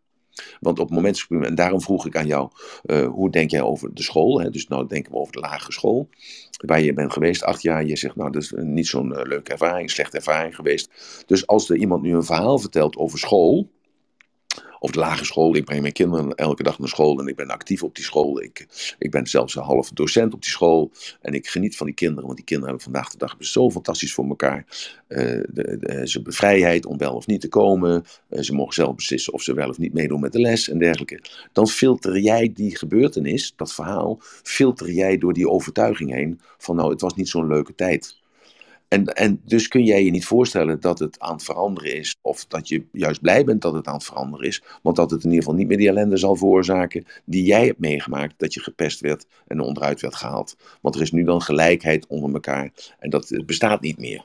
Maar dat zal altijd zo blijven, want dat gevoel zat in jouzelf en zit nog steeds in jezelf. En het gaat erom dat die overtuiging, dat je dus, en dat leert de epigenetica ons, dat je dus op het moment supreme dat je een beslissing neemt van, ik kan niet meer naar beneden gehaald worden, want ik sta boven jullie, ik ben superieur aan jullie, of ik ben gelijk aan jullie. Dus als je gelijk bent aan een ander, kun je de ander ook niet naar beneden halen. Ik ben gelijk aan jullie, ik ben gelijkwaardig aan jullie, want ik ben een man, of ik ben een vrouw, of ik ben een mens. Ik ben gelijkwaardig aan jullie. En als je dat affirmeert met jezelf, dan zul jij zien dat dus dat die werkelijkheid die je hebt gecreëerd, ooit een keer door die overtuiging, dat die vertroebelt. En zelfs dus dat die cellen die informatie oppakken en dat het kindje wat jij gaat krijgen, nadat je dit jaren hebt gedaan, hè, dat je jaren hebt gevochten tegen die negatieve input, dan zul je merken dat je kindje er anders in staat. Nou, het is meer uit ervaring. Ik ken een paar mensen die schizofrenie hebben. En het fascineert me heel erg hoe dat werkt uh, in je hoofd. En ze krijgen ook bepaalde medicatie, maar dat helpt eigenlijk niet. En ik nee. hoor dat het genetisch bepaald is en dat het ook op je achttiende ineens door een bepaalde trigger omhoog kan komen. Ja, maar het is dus niet... Ik vraag me af, kan ja. het weggaan? Want ik zie ja. dat die mensen dat al jaren hebben. Ja, dat klopt. Daarin. Maar het is voor hun normaal. De vraag zou kunnen zijn... Ja, het zijn waanideeën natuurlijk. Zij geloven dat dat echt zo is. Dus waar is dat dus vandaan? Dus, maar dat hebben wij toch ook? Mohammed Ali, toen heette hij nog Julius uh, of uh, uh, Cassius Clay, dus de bokser. Ken, ken je die man? Nee. Ja, kennen. Oh, daar heb je nooit van gehoord. Cassius Clay. Dat, is een bokser uit de jaren 60, 70. En die man die, was, die riep en die schreeuwde, en dat was toen in de tijd van, de, eh, zich, eh, van, van het racisme, toen dat nog zo was, dat het helemaal niet kon dat een, zwarte man eh, zich superieur waande. Dat was dus een totaal onacceptabel in die setting, in die cultuur toen de tijd. En hij zei, I'm the greatest, I'm the greatest. En, eh, en daarom is het zo mooi wat hij zei, van eh, I'm the greatest. Eh, eh, ik zei al, I'm the greatest, voordat het the greatest was. Dat, dat, de, die stelling heeft hij. Maar moet dat niet ergens vandaan komen? Ik bedoel, als kind kan je dat toch niet zelf verzinnen? Nee, omdat hij een voorbeeld heeft gezien. We krijgen allemaal voorbeelden. We kijken naar de televisie en dat gaat zo flits, flits, flits, flits, flits. Jij weet niet meer welk voorbeeld jou nou vormt. en daarom is het af en toe noodzakelijk om even tijd te nemen. En mensen noemen dat dan in balans te komen of in harmonie te zijn met zichzelf. Dat is mensen die zijn dus de weg kwijt. Die weten niet meer wat ze moeten kiezen. En ze hebben dus die tijd nodig om zichzelf te resetten. En dan even terug naar die schizo- schizo- schizofrenie. Wij hebben allemaal hebben wij dat, die aanleg tot schizofrenie. Het is alleen maar de vraag, wat wordt getriggerd? En wat is sterker in jou? Is sterker in jou dat je jezelf tot de orde kan roepen? Of is het gewoon, heb je niet die kracht, of dat inzicht, of die focus, of dat, die, eh, die, dat, dat abstractieniveau, om jezelf tot de orde te roepen? Want jij hebt ook zwakheden. Al is het alleen maar dat je de, de chocolade op moet eten die er staat. Die, die, die, doos die moet leeg. Of eh, je moet gewoon elke dag eh, twee kilometer lopen. Want als je niet die lo- gelopen hebt, dan voel je je gewoon niet voldaan die dag. Of je moet eh, morgens vroeg eerst een kop koffie drinken, anders ben je niet wakker. Of je vent moet tegen jou zeggen van, ik hou van jou. Of je vent moet tegen jou, moet elke dag een bos bloemen meenemen naar jou. Anders dan houdt hij niet van jou. Zo, ik, ik noem maar even iets. Zo, zo zijn de regels en zo zijn de verwachtingen geschapen door jezelf. Maar dat komt ergens vandaan. Zoals je net zelf zegt, heel mooi. Het kan zijn dat het genetisch bepaald is en dat je 19 jaar bent en dan in één keer triggert het en dan gaat het gebeuren. Ja, Ja, het dat- kan ook door drugs komen. ja, maar die rotzooi moet je gewoon niet mee spelen. Dat weten we natuurlijk, want de mensen die zeggen, ja, nee, we nemen zo'n paddenstoeltje, Askewe, Askevisa, hoe heet die handel? Eh, dat uit Zuid-Amerika, Aske, Ja, ja, ik weet ook niet hoe dat heet. ja, maar goed, we weten beide wat, wat ik bedoel. Maar Ja, ik hoorde wel dat je daarmee bepaalde banden kan leggen. En dat is ook met eh, LSD zo, dat als je bepaalde trauma hebt, dat Ja. dat dan op die manier wel andere verbindenissen kan aanleggen. Je moet niets anders gebruiken dan alleen datgene wat Niet dat je ik dat aan het doen ben of zo. Het is meer Nee, nee, nee, nee, nee. Maar daarom is het ook zo. Kijk, ehm, in nood leert men bidden en probeert men natuurlijk de grenzen te versleggen. En die grenzen worden verlegd, ik heb het al eerder gezegd, in alle heilige boeken staat, en niet één uitgezonderd, staat, de doden moet je met rust laten. Je moet niet met doden op, op gaan roepen en te vragen, wat vind jij ervan? Zo, als de doden zich willen melden, dan melden zij zich wel. Want dan past het bij, hun op dat, bij hen op dat moment. Dus hetzelfde is met de categorie, is dus de, de drugs. Dus de drugs moet je niet mee experimenteren. En als je daarmee gaat experimenteren, dan haal je de geest uit de fles. En als de geest uit de fles is, dan stop je niet meer terug. Zo zijn er een aantal zaken die universeel verboden zijn. Dat heeft niets met mijn waardeoordeel te maken, dat is universeel. Je moet een aantal zaken laten rusten. En ik wil je dat dan nog even vertellen, eigenlijk even erbij, even Char, Char dat, eh, dat heb ik ook al vaker verteld, vroeger, en dat vroeger is ongeveer 50, 60 jaar geleden, was al die kennis die wij nu hebben, die wij langzamerhand tot ons nemen, was al bekend. Alleen was dat alleen bekend bij de leiders. Dat waren de kerkenleiders, de politieke leiders en de zakelijke leiders. Daarom werden die mensen ook veel ouder als het gewone volk. Maar dan- dankzij internet is alle kennis tot ons genomen en kunnen wij eh, proeven en ervaren naar al die kennis. En, maar wij zijn daar nog niet aan toe. Althans, de vele mensen zijn er nog niet aan toe. En dus pas als je dus dat abstractieniveau gaat bereiken. En je luistert goed en je leest goed en, en je beleeft goed, voor jezelf goed. Dan ga je ervaren dat er bepaalde patronen zijn. En die patronen kun je veranderen, want die patronen zijn onderbouwd door overtuigingen waar we het vandaag over hebben. En dus over die schizofrenie is hetzelfde laken en pak. Want de vraag is nu, wie is gek? Ben ik gek? Of is hij die schizofrenie heeft gek? Dat is de vraag die ik je stelt, Char. Oh, dat is. Ja. Ja, nee, het is natuurlijk je eigen werkelijkheid. Dus dat is voor Maar wie is nou gek? Maar wie is eigen gek? waarheid. Ja, nee, Ja, precies. Is hij nou gek of ben ik gek? Nou ja, ik ben gewoon heel benieuwd. Iemand zei tegen mij: je moet die persoon lichamelijk eh, eh, moe maken, Ja. uitputten. Ja. Maar ik weet dat het echt heel extreem is. Want ik ben wel Ja. eens met die persoon en dan vraag ik me af van ja, hoe kan ik daar het beste mee omgaan? Moet ik die persoon gewoon laten? Eh, want het heeft geen zin om er eh, tegen in te gaan. Maar het- ik vind het heel interessant. eh, Het Ja, is het waardeoordeel, wat, het waardeoordeel wat jij velt, is accepteer ik hem zoals hij is. En dat is vandaag de dag, is dat natuurlijk het credo, die, deze idioterie. Want iedereen is gelijk. We zijn niet gelijk. We zijn allemaal anders. Dus een man is niet gelijk aan een vrouw. En een hetero is iemand anders dan een homo. En een zwarte is anders dan blank. En iedereen is anders. Want wij zeggen ook altijd, wat een dom wijf dat ze de auto zo slecht parkeert. Of we zeggen, wat een, eh, wat een kut Marokkaan die mag bestolen. Zo, dat zijn etiketten om de duidelijkheid in de communicatie te brengen. Ja, dus eh, dat is. Een- ik denk wel dat het met angsten te maken heeft. Want Natuurlijk heeft het met angsten te maken. grote angsten. Ja, maar de angst van de ander, dus die dat bepaalt vandaag de dag, is groter dan de angst van die dat benoemt. En maar vandaag de dag heb je heel veel moed nodig. En dan eh, is dat, eh, dat, eh, heb je heel veel moed nodig om dat wel te duiden, zodat er duidelijkheid is in de communicatie. En dat wil niet zeggen dat ik iemand discrimineer of dat ik op iemand neerkijk. Nee, jij bent gewoon anders dan ik. Want ik kan kinderen maken, maar ik kan ze niet krijgen. En jij kunt geen kinderen maken, maar je kunt ze wel krijgen. Nou, dat is het verschil. En als we gaan denken dat het anders is, ja, dan zijn we natuurlijk van God, eh, van God los. Maar even terug naar de schizofrenie. Het is jouw waardeoordeel, wat hij of zij zal voelen. Dus dat is jouw intentie, hoe jij er werkelijk in staat als ziel. Dus dat is onbevooroordeeld. Dat bepaalt hoe hij reageert op jou. En dat is het moeilijkste wat er is. En daarom zijn verpleegsters of verplegers, noem ik altijd engelen. Want die, die behoren eh, onafhankelijk en onbevooroordeeld te zijn. En ik zeg tegen jou dat eh, mannen en vrouwen die werken bij geestelijk gehandicapte inrichtingen, dat zijn voor mij engelen. Want zij zijn onbevooroordeeld, want anders zouden zij met hen niet kunnen werken. Ja, het is meer dat ik haar wil helpen.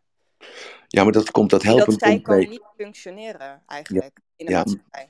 Nou ja, maar misschien wil hij wel helemaal niet functioneren in de maatschappij. Want wie zijn er nog gek om mee te doen met deze idioterie in de maatschappij? Of degene die zich daar buiten stelt? Nee, Ja? ik denk dat het leuk is om de hele tijd bang te zijn. Dus als ik daar iets in kan doen. Kijk, bij mij voelt het zich wel veilig. En ik heb er ook Ja. geen oordeel eh, in. Maar dan Ja. denk je, ja, hoe kan je zo iemand helpen? Nou, dus om te laten zien datgene daar waar ze bang voor is, werkelijkheid is. Er zijn heel veel mensen die zijn bang om het podium op te komen. We hebben vandaag eh 60, 70, 80 mensen. Ik heb al vijf keer gevraagd van kom even naar boven toe. Ja, ik vind het ook super eng. Maar ik dacht, ik ga het Ja. doen. Ja, je hebt het wel gedaan. Nou, oké, exact. Nou, dus ik kan me ook voorstellen dat dat eng is. Hè, de Mirjam heeft wel eens tegen mij gezegd, maar je bent zo bitchy. Eh, je, je gaat er gelijk met gestrekt been in. Dus mensen zijn bang dat ze aangevallen worden. Ja, maar ik, ben, ik val niemand aan, want ik kom vanuit liefde. Alleen is het af en toe wel eens nodig om eh, bijvoorbeeld om mijn zoon een tik te geven. Dat is gewoon nodig. Want hij, hij eh, verzet zijn grenzen. En eh, doordat hij zijn grenzen verlegt, ja, is het wel eens een keer nodig dat een woord niet meer voldoende is. Dus dan grijp ik hem bij zijn arm en dan knijp ik hem even in zijn arm, zodat het bloed de andere kant op stroomt. Zo. Dus dat doe ik eh, voor de klas ook. Dus op een zeker moment moet er dus ook gewoon even kordaat opgetreden worden. En niet maar wishy-washy, nog een keer overleggen, nog een keer overleggen, nog een keer overleggen. En dan is driekwart van de zaal is leeggestroomd. Want die hebben helemaal geen zin in de gouden Die willen gewoon een oplossing hebben. Ik heb trouwens nog een hele andere vraag. Die had ik gisteren. eh, Ja, daar wilde ik je nog op. eh, Oh, ja. ja. Stel, hem maar. En je voelt aan jezelf nou, Shai, dan ben je naar boven toe gekomen. Ja. En eh, het gaat steeds beter. ja. Ja? Zo, Was zoals het nou ik zo eng zoals je bedacht had? Nee, ik was op een gegeven moment vergeten dat heel veel mensen aan het meeluisteren waren. oh ja, shit. Nou, het is toch goed? Ja. Echt super. Maar inderdaad, je vraag van gisteren, ik hoorde, eh, stel hem zelf maar even. Ja, het ging over eh, aarde. Aarde, ja. En ik doe zelf aan uh, trampoline springen. Dat, eh, Ja. Ik heb een kleine trampoline in mijn huis en dan ga ik elke dag een uurtje springen. En mijn vraag was, is dat ook goed om te aarden? Want ik weet dat het voor duizenden dingen goed is. Nee, het trampolinespringen is heel, heel, heel erg goed voor je gestel, voor je zenuwen, voor je spieren, voor je lymfeklierstelsel, voor je adem, botten. je botten. Eh, je botten nemen ook toe, hè, want het, eh, dat, dat heb je wel gezien. Mensen die naar de Mars gaan, die hebben, of naar, naar de maan gaan, die hebben ook zo'n eh, trampoline bij zich. Ja, NASA heeft het zelf ook wetenschappelijk... eh, Ja, maar dat is ook zo. Is ook zo. Alleen het heeft met aarde niks te maken. Oh. Eh, dus eh, nee, het aarde is gewoon dat je dus down to earth bent, dat je met je blote voeten, je bent negatief eh, gepoeld hè, eh, qua elektrische lading. En de aarde is, eh, jij bent negatief gepoeld en de aarde is po- positief gepoeld. En het moment supriem, eh, jij weet het zelf uit, bijvoorbeeld als je de lamp aansteekt, hè, dan draai je de schakelaar om. Wat doe je dan? Je verbindt die twee polen met elkaar. En die polen die gaan dan stromen. En dat, eh, dat stroomt dan door de lamp en dat geeft licht en warmte. Zo is dat hetzelfde dat als je dus eh, op je blote voeten in het vochtige gras staat. Want eh, vocht dat geleidt veel beter dan droogte. En je staat er in dat gras. Dan, dan stroomt die elektriciteit, die stroomt dan door je lichaam heen. En dat zorgt ervoor dat je verkwikkend wordt. Dat wordt dat je helder wordt. Dat zorgt ervoor dat ziektes verdwijnen. Dat zorgt ervoor dat je weer ja, gewoon in harmonie bent met de natuur, waar wij uiteindelijk allemaal in onze plaats in moeten vinden. Dus iemand die schizofreen is, zou je dat bijvoorbeeld kunnen doen. Je zou iemand die schizofreen is kunnen bijvoorbeeld kunnen vragen van wat eet jij? En kunnen laten zien van dat je ook op een andere manier zou kunnen eten. Welke tijden eet jij? Eh, wanneer, eh, wat is het patroon? Hè? Dus als je gaat ontdekken wanneer komt die aanval van schizofrenie? Wanneer is die er? Is dat altijd 's morgens, middags, avonds? Heeft het te maken met de rust? Heeft het te maken met te weinig of te veel rust? Heeft het te maken met medicatie? Medicatie eh, ik verwerp medicatie ten alle tijden. Omdat medicatie alleen maar vertroebelt het symptoom van de ziekte. Want het ziekte is een symptoom van iets. En dat komt altijd voort uit je hersenen. Uit een bepaalde gedachtenkronkel. Zelf tot een steenpuis toe.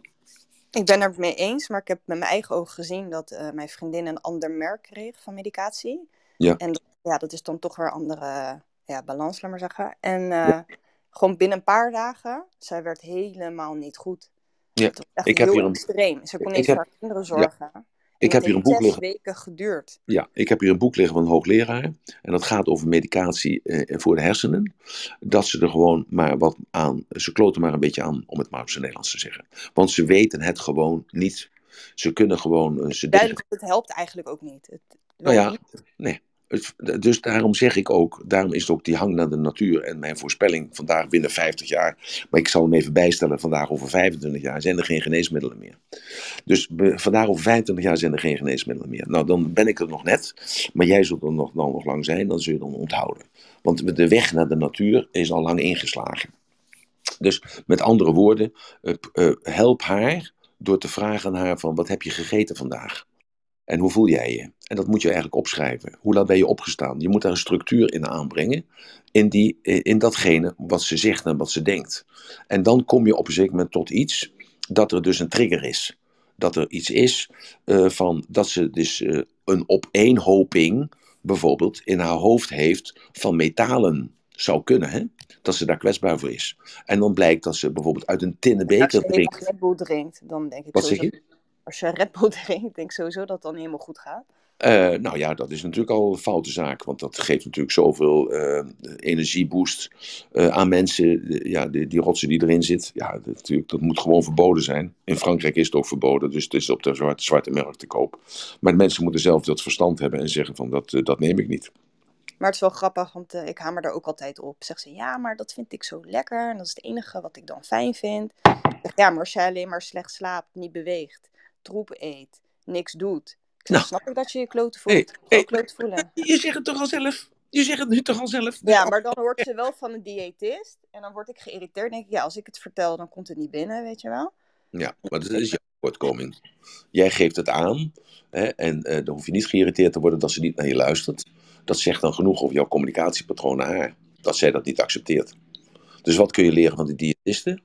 Hè, dus die praat op een andere manier, die overlegt op een andere Die manier. Die aan. er minder verstand van heeft. Ja, ja, goed, maar snap je nou? Maar zo werkt het bij heel veel mensen. Als er maar eh, dokter op staat, of wetenschapper op staat, of er staat meester in de rechten voor, ja, dan zal hij het wel weten. En Maar zij dat- zegt het ook al zelf, doordat ze zegt van ja, daardoor voel ik me beter. Dat heeft ze zichzelf aangepraat, dat ze door die Red Bull zich dus beter gaat voelen. Ja, het is natuurlijk die verslaving. Hè. Het is natuurlijk suiker. En, eh, Ja, Ja, maar om je, om je beter te voelen moet maar je je ook eerst dat etiket zit er dan op. Maar om je Ja. beter te voelen, moet je je eerst slecht voelen. ja, natuurlijk. Je moet, het moet eerst heel erg worden voordat het beter kan worden. Maar ja, Ja. erg moet het worden? Oh ja, dat is daarom. Als je bij mij als eh, cliënt komt en je wilt zelfmoord plegen, dan breng ik je gewoon naar het station. en ik zou je vertellen, dat is toch zeven keer gebeurd. Ja? En maar als ik die mensen naar het station breng, of ze willen aan de, aan de gaspijp en de auto, dus dan doe ik eh, de auto leg ik in de garage en dan doe ik de pijp naar binnen. Dan heb ik er een speciale slang voor gekocht. En dan, gaan, dan kunnen ze gaan zitten en dan start ik de auto en de koolmonoxide komt dan in de auto terecht. Van die zeven patiënten zijn er gewoon, uh, is er geen patiënt meer over. Ja, geen patiënt meer over. Ze hebben gewoon uh, die, die, die gedachte uit hun hoofd gehaald. Dus ik moet zeggen, ik ben vroeger zelf heel depressief geweest, jaren. En dat is echt heel erg. Dat je gewoon ja. wakker wordt en niet wil leven. Ja. En dat is ineens omgedraaid. Nou, ik heb wel mijn hele leven de pil geslikt. En ik heb het Ja. idee dat het daardoor kwam. Zo En heel. alsof er een wereld voor me open ging. En ik Ja. kan me niet meer voorstellen dat ik me zo gevoeld heb. Dus ik weet niet of dat de boosdoener was. Maar ik Ja. weet wel hoe het kan zijn om je zo te voelen. En dat is echt vreselijk. Nou, dus als jij, dus eh, jij neemt niet zo te voelen, en dat is herkenbaar voor heel veel mensen. Ja, en eh, ja, eh, ik, ik vertel dus vaker, mijn zoon die zegt op een dinsdag tegen mij van ik heb er geen zin in vandaag om te werken, pa. Ik zeg geen zin om te werken. Ik zeg gewoon, eh, je bent een jonge gozer. Ik ben een oude lul.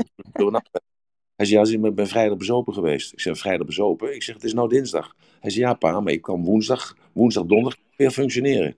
Ik zeg, dan ben je toch wel een on- ontzettende domme hond. Dat je dus gewoon eh, eh, dus één avond feest wil vieren en er vijf dagen de prijs voor wil betalen. Ja, pa, zet hier gelijk. Nou, dus eh, dan heb, je geen, heb je geen verstand. Het is mijn eigen zoon, maar die heeft geen verstand. Het is trouwens weer een andere zoon hoor, trouwens. Als de, die ander die klaagt dat hij nooit geen aandacht heeft. Zo, dus, eh, dus je begrijpt een klein beetje dat eh, ik ben hard voor mezelf, maar ik ben ook heel, heel hard voor andere mensen, maar ook heel zacht en heel lief voor andere mensen. Ik zeg niks. Nou, Ehm, Oké. Is, Nou, het, is het duidelijk, Char? Ja. Ja, het is, eh, het is duidelijk. Kar. Ja? Ik weet niet of het nog helemaal... Oh, eh, sorry, Kar. Nee, het is duidelijk hoor. Maar ik bedoel er altijd Dus meer... iedereen eh, maakt zijn eigen werkelijkheid. En je zou natuurlijk kunnen denken van die mensen die in geestelijke inrichting zitten. eh, Zijn zij nou gek of zijn wij gek? Nou, dus, eh, dat is de vraag die je zelf moet stellen. En, ja, ik vind het eh, gewoon interessant. Dus eh, ik wat zeg je? Ik vind het gewoon interessant ook. Ja, wat is ook interessant. Of het nou ja, we zullen dan een keer een, een, een, een verhaal houden over body logic. Hè? Dat is dus de logica van het lichaam. Dat laat ook een aantal dingen zien. Dus die zijn dan, eh, ja, in mijn theorie is het zo dat eh, elke ziel, eh, elk mens, eh, komt op deze wereld niet om te leren, niet om te overleven, niet om plezier te maken, maar ko- komt hier om een taak te vervullen. En die taak te vervullen, dat is dus eh, in het kader van een groter plan. En dat grote plan is zo groot dat wij dat niet kunnen overzien. Dus we moeten dat gewoon maar geloven en aannemen dat dat zo is. En daarvoor ben je op deze wereld. Ja, ik denk soms ook om te herinneren wie jij eigenlijk bent. Want als je op de wereld komt, dan kom je in een lichaam. Ja. En dan ben je wel een soort van beperkt ook. En daarna gewoon weer echt om te herinneren wie je uiteindelijk echt bent. Nou ja, dat een zijn. ziel.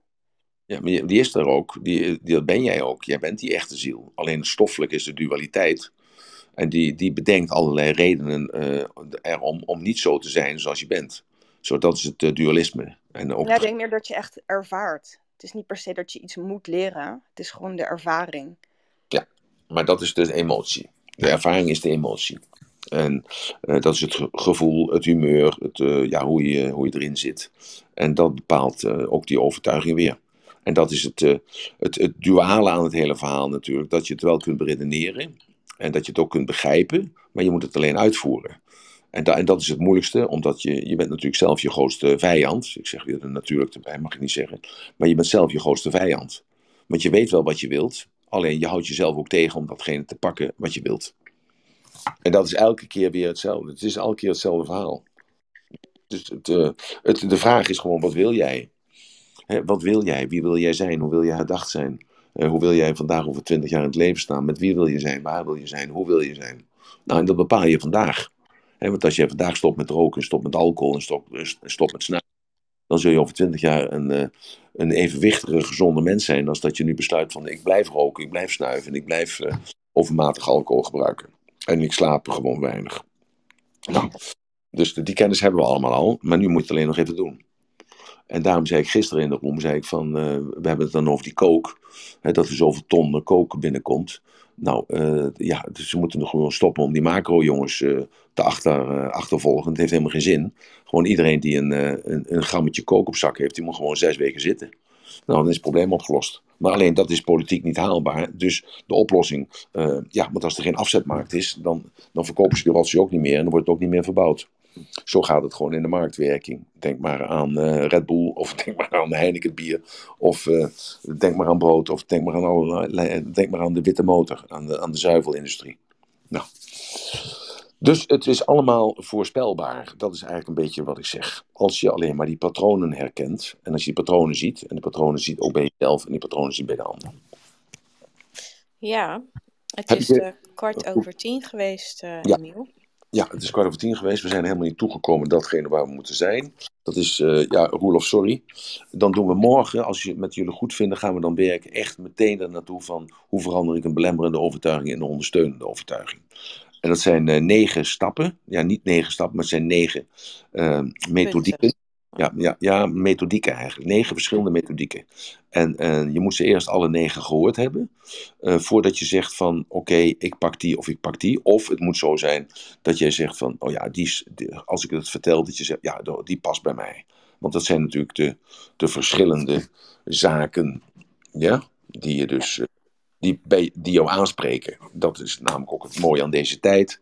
We hebben zelf de keuze om wat te geloven. We hoeven niet meer naar de kerk en we moeten niet meer naar de kerk. En we hoeven niet meer uh, te geloven dat we iemand nodig hebben die, uh, die via ons dan aan, bij God aan de, aan, de, aan, de, aan de deur klopt en zegt: Nou, Pietje of Klaasje of, of ik wil wat ze even een gesprek hebben met God. Nee, we kunnen dat rechtstreeks voeren met hem. Geschreven met een hoofdletter omdat hij in ons zit en om ons heen zit. Nou, en dat, dat begrip en die overtuiging komt er steeds meer bij de mensen. En dat, dat zie je en dat hoor je overal, ook die bevestiging. En daardoor worden mensen ook steeds zelfstandiger in hun denken en zelfstandiger in hun overtuigingen en in hun handelen. Oké, okay, mooi. Dus morgen negen methodieken voor overtuigingen. Ja, ja um, om overtuigingen te veranderen. Ja. om overtuiging te veranderen. Om overtuiging te veranderen, ja. Het zal niet helemaal in de titel passen, dus ik maak er een, uh, iets anders van. Dat, ja, maar het, het, gaat wel om het veranderen natuurlijk dan. Ja, snap ja, ik. helemaal top. Oké, okay, we zijn uh, druk bezig aan de andere kant om uh, het aantal mensen in de room om die omhoog te brengen. Waarom wil ik dat graag? dat wil ik graag omdat daardoor dus de meer, de meer dynamiek komt in de, in de room. Uh, waardoor er andere onderwerpen benoemd worden, uh, waardoor er uh, een andere laag bij kan komen. waardoor mensen meer hebben, want uiteindelijk is mijn missie is om de kwaliteit van je leven te verbeteren. Dat moet jij natuurlijk zelf doen. Ik kan dat niet doen, jij moet dat zelf doen. Dus ik kan alleen maar verhalen vertellen, voorbeelden geven, technieken vertellen, patronen herkenbaar maken, waardoor jij met jezelf aan de slag kan gaan. En uh, ja, als je met jezelf aan de slag gaat en er, er komen blokkades, hè, dus komen vragen, uh, ja, dan hoop ik dat je die stelt. En hoe meer mensen er in de room zijn, hoe makkelijker het dan wordt uh, om ook die voorbeelden naar boven toe te halen. En daarom zou ik graag een, een verzoek aan jullie allemaal willen doen. misschien wil je iemand pingen morgenochtend om 9 uur, om ook in de room aanwezig te zijn. Dat wil niet zeggen dat hij, die persoon moet blijven. Die persoon eh, voelt zich misschien helemaal niet aangesproken. Maar ik wil gewoon dus die roem groter hebben. Waardoor we een groter bereik hebben. En uh, als het ware een soort, uh, ja, een, soort landdag geworden. Elke morgen om negen uur. Waar positief ingestelde mensen zijn en samen zijn. En dat we met elkaar ons kunnen versterken in dat wereldverbeteraarachtige zijn. Dat is eigenlijk een beetje de, de opzet. Dus ik ben uh, ook actief nu geworden op social media. We hebben vanochtend de TikTok-pagina weer kunnen ontsluiten. Die was door iemand anders, uh, als het ware, even geblokkeerd. Dus dat hebben we gelukkig kunnen, terug kunnen pakken. we zitten nu nog met het punt van, we hebben nu drie adressen op Clubhouse. Hè, Mirjam, drie hè? Dus die, ja, die moeten we terugbrengen naar één. En uh, we hebben social media met Facebook, heb ik geloof ik ook twee of drie adressen. Dat zijn we ook terugbrengen aan één. Ja, als... dus als je Emiel wil volgen, e-, even op het huisje klikken en dan even NLP-huisje volgen ook. Dan ja. weet je ook wanneer uh, de, de club online is. En Emiel volgen als Emiel online is. Dan kun je op zijn foto klikken en dan daarnaast zit een belletje. En op follow klikken, dan, uh, dan voor de nieuwe mensen, dan... Volg je Emiel en dan zie je ook wanneer hij online is en het huisje voor de club. En die club zullen we te zijn de tijd een andere naam geven, alleen is dat nu nog niet mogelijk. Maar dan ben je in ieder geval bij deze club, want dit is de hoofdclub waar alles vanuit zal gaan gebeuren. Dit is de NLP-club, hè? Ja, Of ja klopt. Ja. Oké, want daarom, ik ben morgenavond zit ik in bij Henk. Morgenavond om 9 uur is dat geloof ik, hè Mirjam? Ja, hè? Ja. En um, dus morgenavond ben ik bij Henk. En als je nou, uh, als je me nou op de, op die knop hebt gedrukt, wat Mirjam net zegt, dan, dan hoor je dat morgen. Dan, dan uh, herinnert uh, de machine, de, de, de, de telefoon, ja. je, je, aan dat ik daar ben, als je dat tenminste wil horen. En dat is, is een heel ander soort programma. Heb ik begrepen van Marloes gisteren, want die zit daar Ja, wel- dat zal niet vanuit deze club zijn. Het huisje is de club, zeg maar, die kan je volgen. En je kan Emiel zelf volgen door op zijn foto te klikken en dan follow, eh, eh, hem te followen, de button follow. En dan volg je Emiel waar hij, in welke room hij spreekt. Ja, en eh, ook om te laten zien dat ik ook heel divers ben. Want ik, ik, we hebben hier op deze room altijd hele serieuze onderwerpen. En hoe dieper het gaat, hoe mooier het is. Eh, maar dat, eh, ik denk dat morgenavond dat, eh, ja, dat het iets eh, losbandiger is. Zeg ik het dan goed, Mirjam? Ja. Eh, dat het, het, is een soort café-achtige setting. mhm. En daar zullen dan vragen aan mij gesteld worden over mijn leven, of hoe ik in elkaar zit, of wat ik denk of geloof of zo. En eh heeft men al twee keer benaderd om te vragen aan mij van, ja, mag ik echt alles vragen? Ik zeg, ja, jij mag echt alles, alles vragen. Ja, maar wil je dan niet eerst even dan die vragen krijgen? En dan kun je er even over nadenken. Ik zeg, nee, ik hoef helemaal nergens over na te denken. Ik denk erover na als je me die vraag stelt. Dus dat wordt morgenavond wordt dat heel iets anders als deze setting. Een soort eh, spontaanachtig, zeg maar, wordt het dan. Ja, maar ik denk ook minder diepgaand, denk ik. Ja, oké. Een beetje levende lol of zo. Denk ik. Zoiets. We gaan het beleven. We, We gaan- we zullen erbij zijn. Hey, Ja. en had ik nog een vraag aan jou, eh, Mirjam, of je dat zou Oh. kunnen doen. Eh, de- dan die andere twee rooms, die we dus de spontaan en die andere. Ik weet niet wat Mhm. de titel is van die andere. Kunnen we daar niet een boodschap op zetten van dat die niet meer gebruikt worden en dat iedereen doorverwezen wordt naar eh, NLP eh? Ja, dat, in principe staat dat er al op. Oh, staat- Eh, maar Oké, ja, dat staat al op dat we het vanuit deze club doen. Dat heeft Sascha er toen opgezet. oké, Ehm, dus dat, dat is wel bekend al. oké, top. Maar ik zal het nog een keer checken en dan Ja. aanpassen. En er is nog één vraag in de chat, als je Ja. daar nog tijd voor Ja, wil ik maken. Dat is de... off topic wel, maar ehm, hoe je omgaat met smartphonegebruik in de opvoeding van kinderen. Ja. Ja, dat is hetzelfde wat jij ervan gelooft. Kijk, er zijn mensen die vinden dus dat die smartphone eh, ontzettende heel veel positieve effecten, bijeffecten heeft. En dat, eh, ik geef een voorbeeldje, mijn zoontje van 12, die spreekt uitstekend Engels. En dat heeft hij geleerd via de smartphone, door altijd die spelletjes te doen, terwijl ik juist die spelletjes verafschuw. Ehm dus wat zijn je eigen regels daarin? Dus kijk je naar de voordelen of kijk je naar de nadelen, is het ook vaak wel makkelijk. Hè, dat als je met je partner bent of je wilt zelf even een moment van rust hebben, dat, dan, eh, dat ze dan zelf zich kunnen vermaken op die machine. Eh, eh, ja, ik, eh, ik zou daar bepaalde regels aan stellen. En ik ben daar heel duidelijk in. Bijvoorbeeld, eh, mijn zoon mag eh, de telefoon niet mee naar school nemen. Ja, hij mag hem wel meenemen, maar hij laat hem uit en mag hem in noodgevallen gebruiken. En ik heb tegen hem gezegd dat als jij op de fiets zit en jij hebt de oortjes in en je luistert of je, je praat, dan breek, en ik zie dat, dan breek al twee je poten. Dus eh, dat is mijn eh, communicatie naar mijn zoon toe. Ik zal dat natuurlijk niet doen, maar hij weet dus dan heel goed dat papa heel veel verdriet heeft daarvan. En dat, eh, ja, niet van die gebroken poten, maar dat is dat als ik dus zie dat hij dus met losse handen fietst. En dat hij bezig is eh, te appen of eh, te spreken, wat dan ook. Dus regels stellen. Je moet regels stellen. En je moet jezelf ook aan die regels houden. Met andere woorden, als je zegt je mag maximaal twee uur gamen. Nou, en hij zal natuurlijk slim zijn, hij zal proberen dat te ontlopen. Dan moet je een soort klokje nemen dat hij een, een kwartier speelt voor het eten, een kwartier speelt na het eten. Je moet regels stellen van eh, tijdens het eten staat het ding uit. Gewoon uit. En dus niet, er wordt niet gebeld, er wordt niet geappt. Zo. Eh, S'avonds in bed gaat, het ding staat uit. Gewoon. eh, je krijgt van mij het vertrouwen dat dat ding wel bij je op je kamer mag liggen. Maar je, als je me vertrouwen één keer beschaamt, pak ik hem van je af. En dan ben je een week zonder. Ik noem maar even wat. Of een dag zonder. Je moet redelijk, niet redelijk zijn, je moet duidelijk zijn. Kinderen hebben behoefte aan duidelijkheid. Kinderen willen helemaal niet experimenteren. Kinderen willen gewoon lijken op andere mensen die, die ze leuker vinden of knapper vinden of idealer vinden dan dat ze zelf zijn. Want ze vergelijken zich nog met andere kinderen en daardoor creëren zij een ideaalbeeld. Jij moet daar de duidelijkheid in scheppen en ehm, waardoor dat kind zich kan ontplooien in die veiligheid. Want een kind heeft nodig één ding, dat is veiligheid. En die veiligheid is zekerheid. En zekerheid is duidelijke afspraken maken en je eraan houden. En hem helpen dat hij zich daaraan moet houden. Dus wat je doet, maakt niet uit. Als het maar duidelijk is, goed gecommuniceerd is. En uh, dat er altijd een straf, maar ook een beloning aan hangt. Een straf en een beloning. Waarom? Omdat elk gedrag, ook wat jij doet, beloon jij in jezelf. Van hé, hey, dat voelt goed. En of je hebt het idee van, hé, het voelt slecht. En al datgene wat jij, uh, waar jij slecht bij voelt, probeer je te vermijden.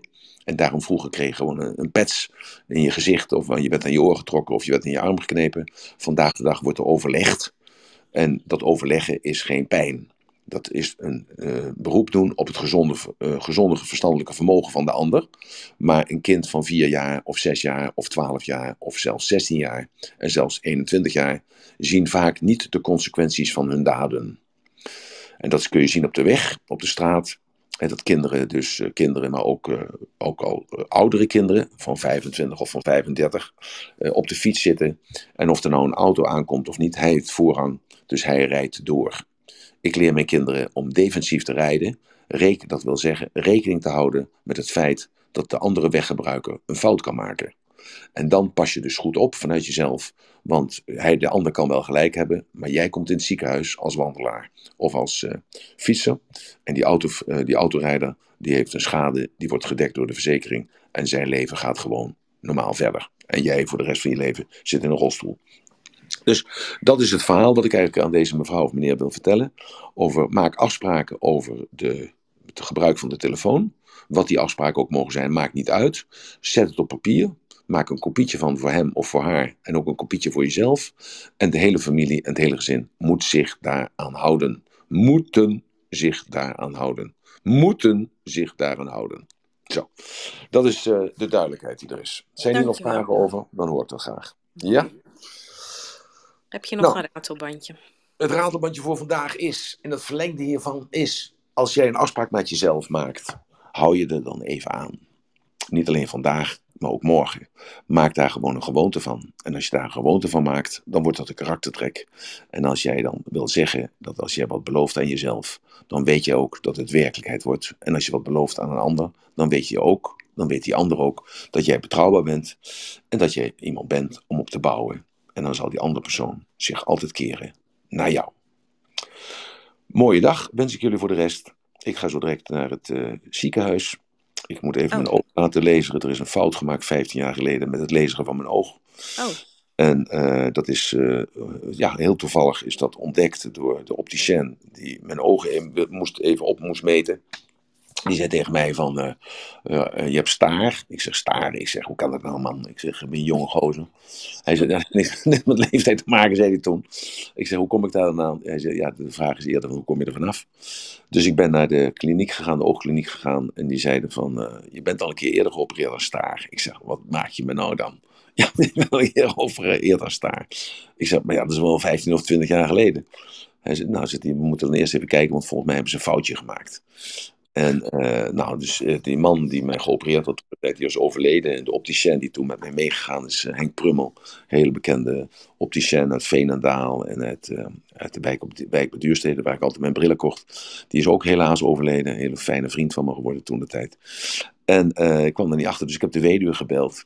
En de weduwe wist mij precies te vertellen welke arts mij toen de tijd uh, geopereerd had. En, uh, en, Henk, uh, en zij wist me ook te vertellen dat Henk haar ooit verteld had in welke kliniek dat is geweest. Dus ik heb gebeld en gelukkig wisten ze nog zich te herinneren dat ik daar geweest was. Er was een hele goede telefoniste die zei: Ja, meneer Raderband, ik weet nog heel goed dat u hier bent geweest, want u was zo vrolijk en opgeruimd. En heeft me zelfs nog een boek gegeven. Ik zei: Nou, dat is mooi. Ik zei: Maar dat en dat is de uitdaging. Toen zegt ze: Nou, ik kan er nog achter komen. Want uh, ons bedrijf is overgenomen door een ander bedrijf. Dat bedrijf is weer overgenomen door een ander bedrijf. En zij zijn uiteindelijk opgenomen in een soort ziekenhuisachtige toestand. UMC geloof ik was dat. En uh, ik zal even mijn best doen. En binnen tien minuten had ik, uh, ja, had ik alles in huis. En dat heb ik aan de arts gegeven. En de arts heeft gezegd, nou, dan kom je vanmiddag maar even, vanochtend maar even in de, in de kliniek. Dan zal ik je even opereren. Dan zal ik je even laseren in je oog. En dan halen we even die eh, fout eruit. Nou, Het heet geloof ik naast daar. Want ik ben toevallig vorige week met een vrouw van 93 eh oké. wat gelazerd. En eh, het was naast daar. En dat was heel eh, snel eh, opgelost. Ging ze ook met een laser even een minuutje in het oog. Ja, exact goed. Nou, ja. Succes. eh, Wel heel nou. erg bedankt nog voor het gesprek. Nee, oké, goed. Nou, dus dat ga ik doen. Eh, dus ehm, ja, ik wil, ik wil het eigenlijk ook opnemen, zodat het dan ook op, ehm, hoe heet het? Dat het op de social media staat. Ja. Zodat jullie zien dat ik ook mijn fysieke gebreken heb. Hé, halleluja. hey, oké. Nou, hey, mooi, mooie dag allemaal toegewenst. Succes, En, eh en, en lief zijn voor elkaar. Ja, dat belangrijkste. goed. Dankjewel. Dankjewel. Bye bye. Doeg.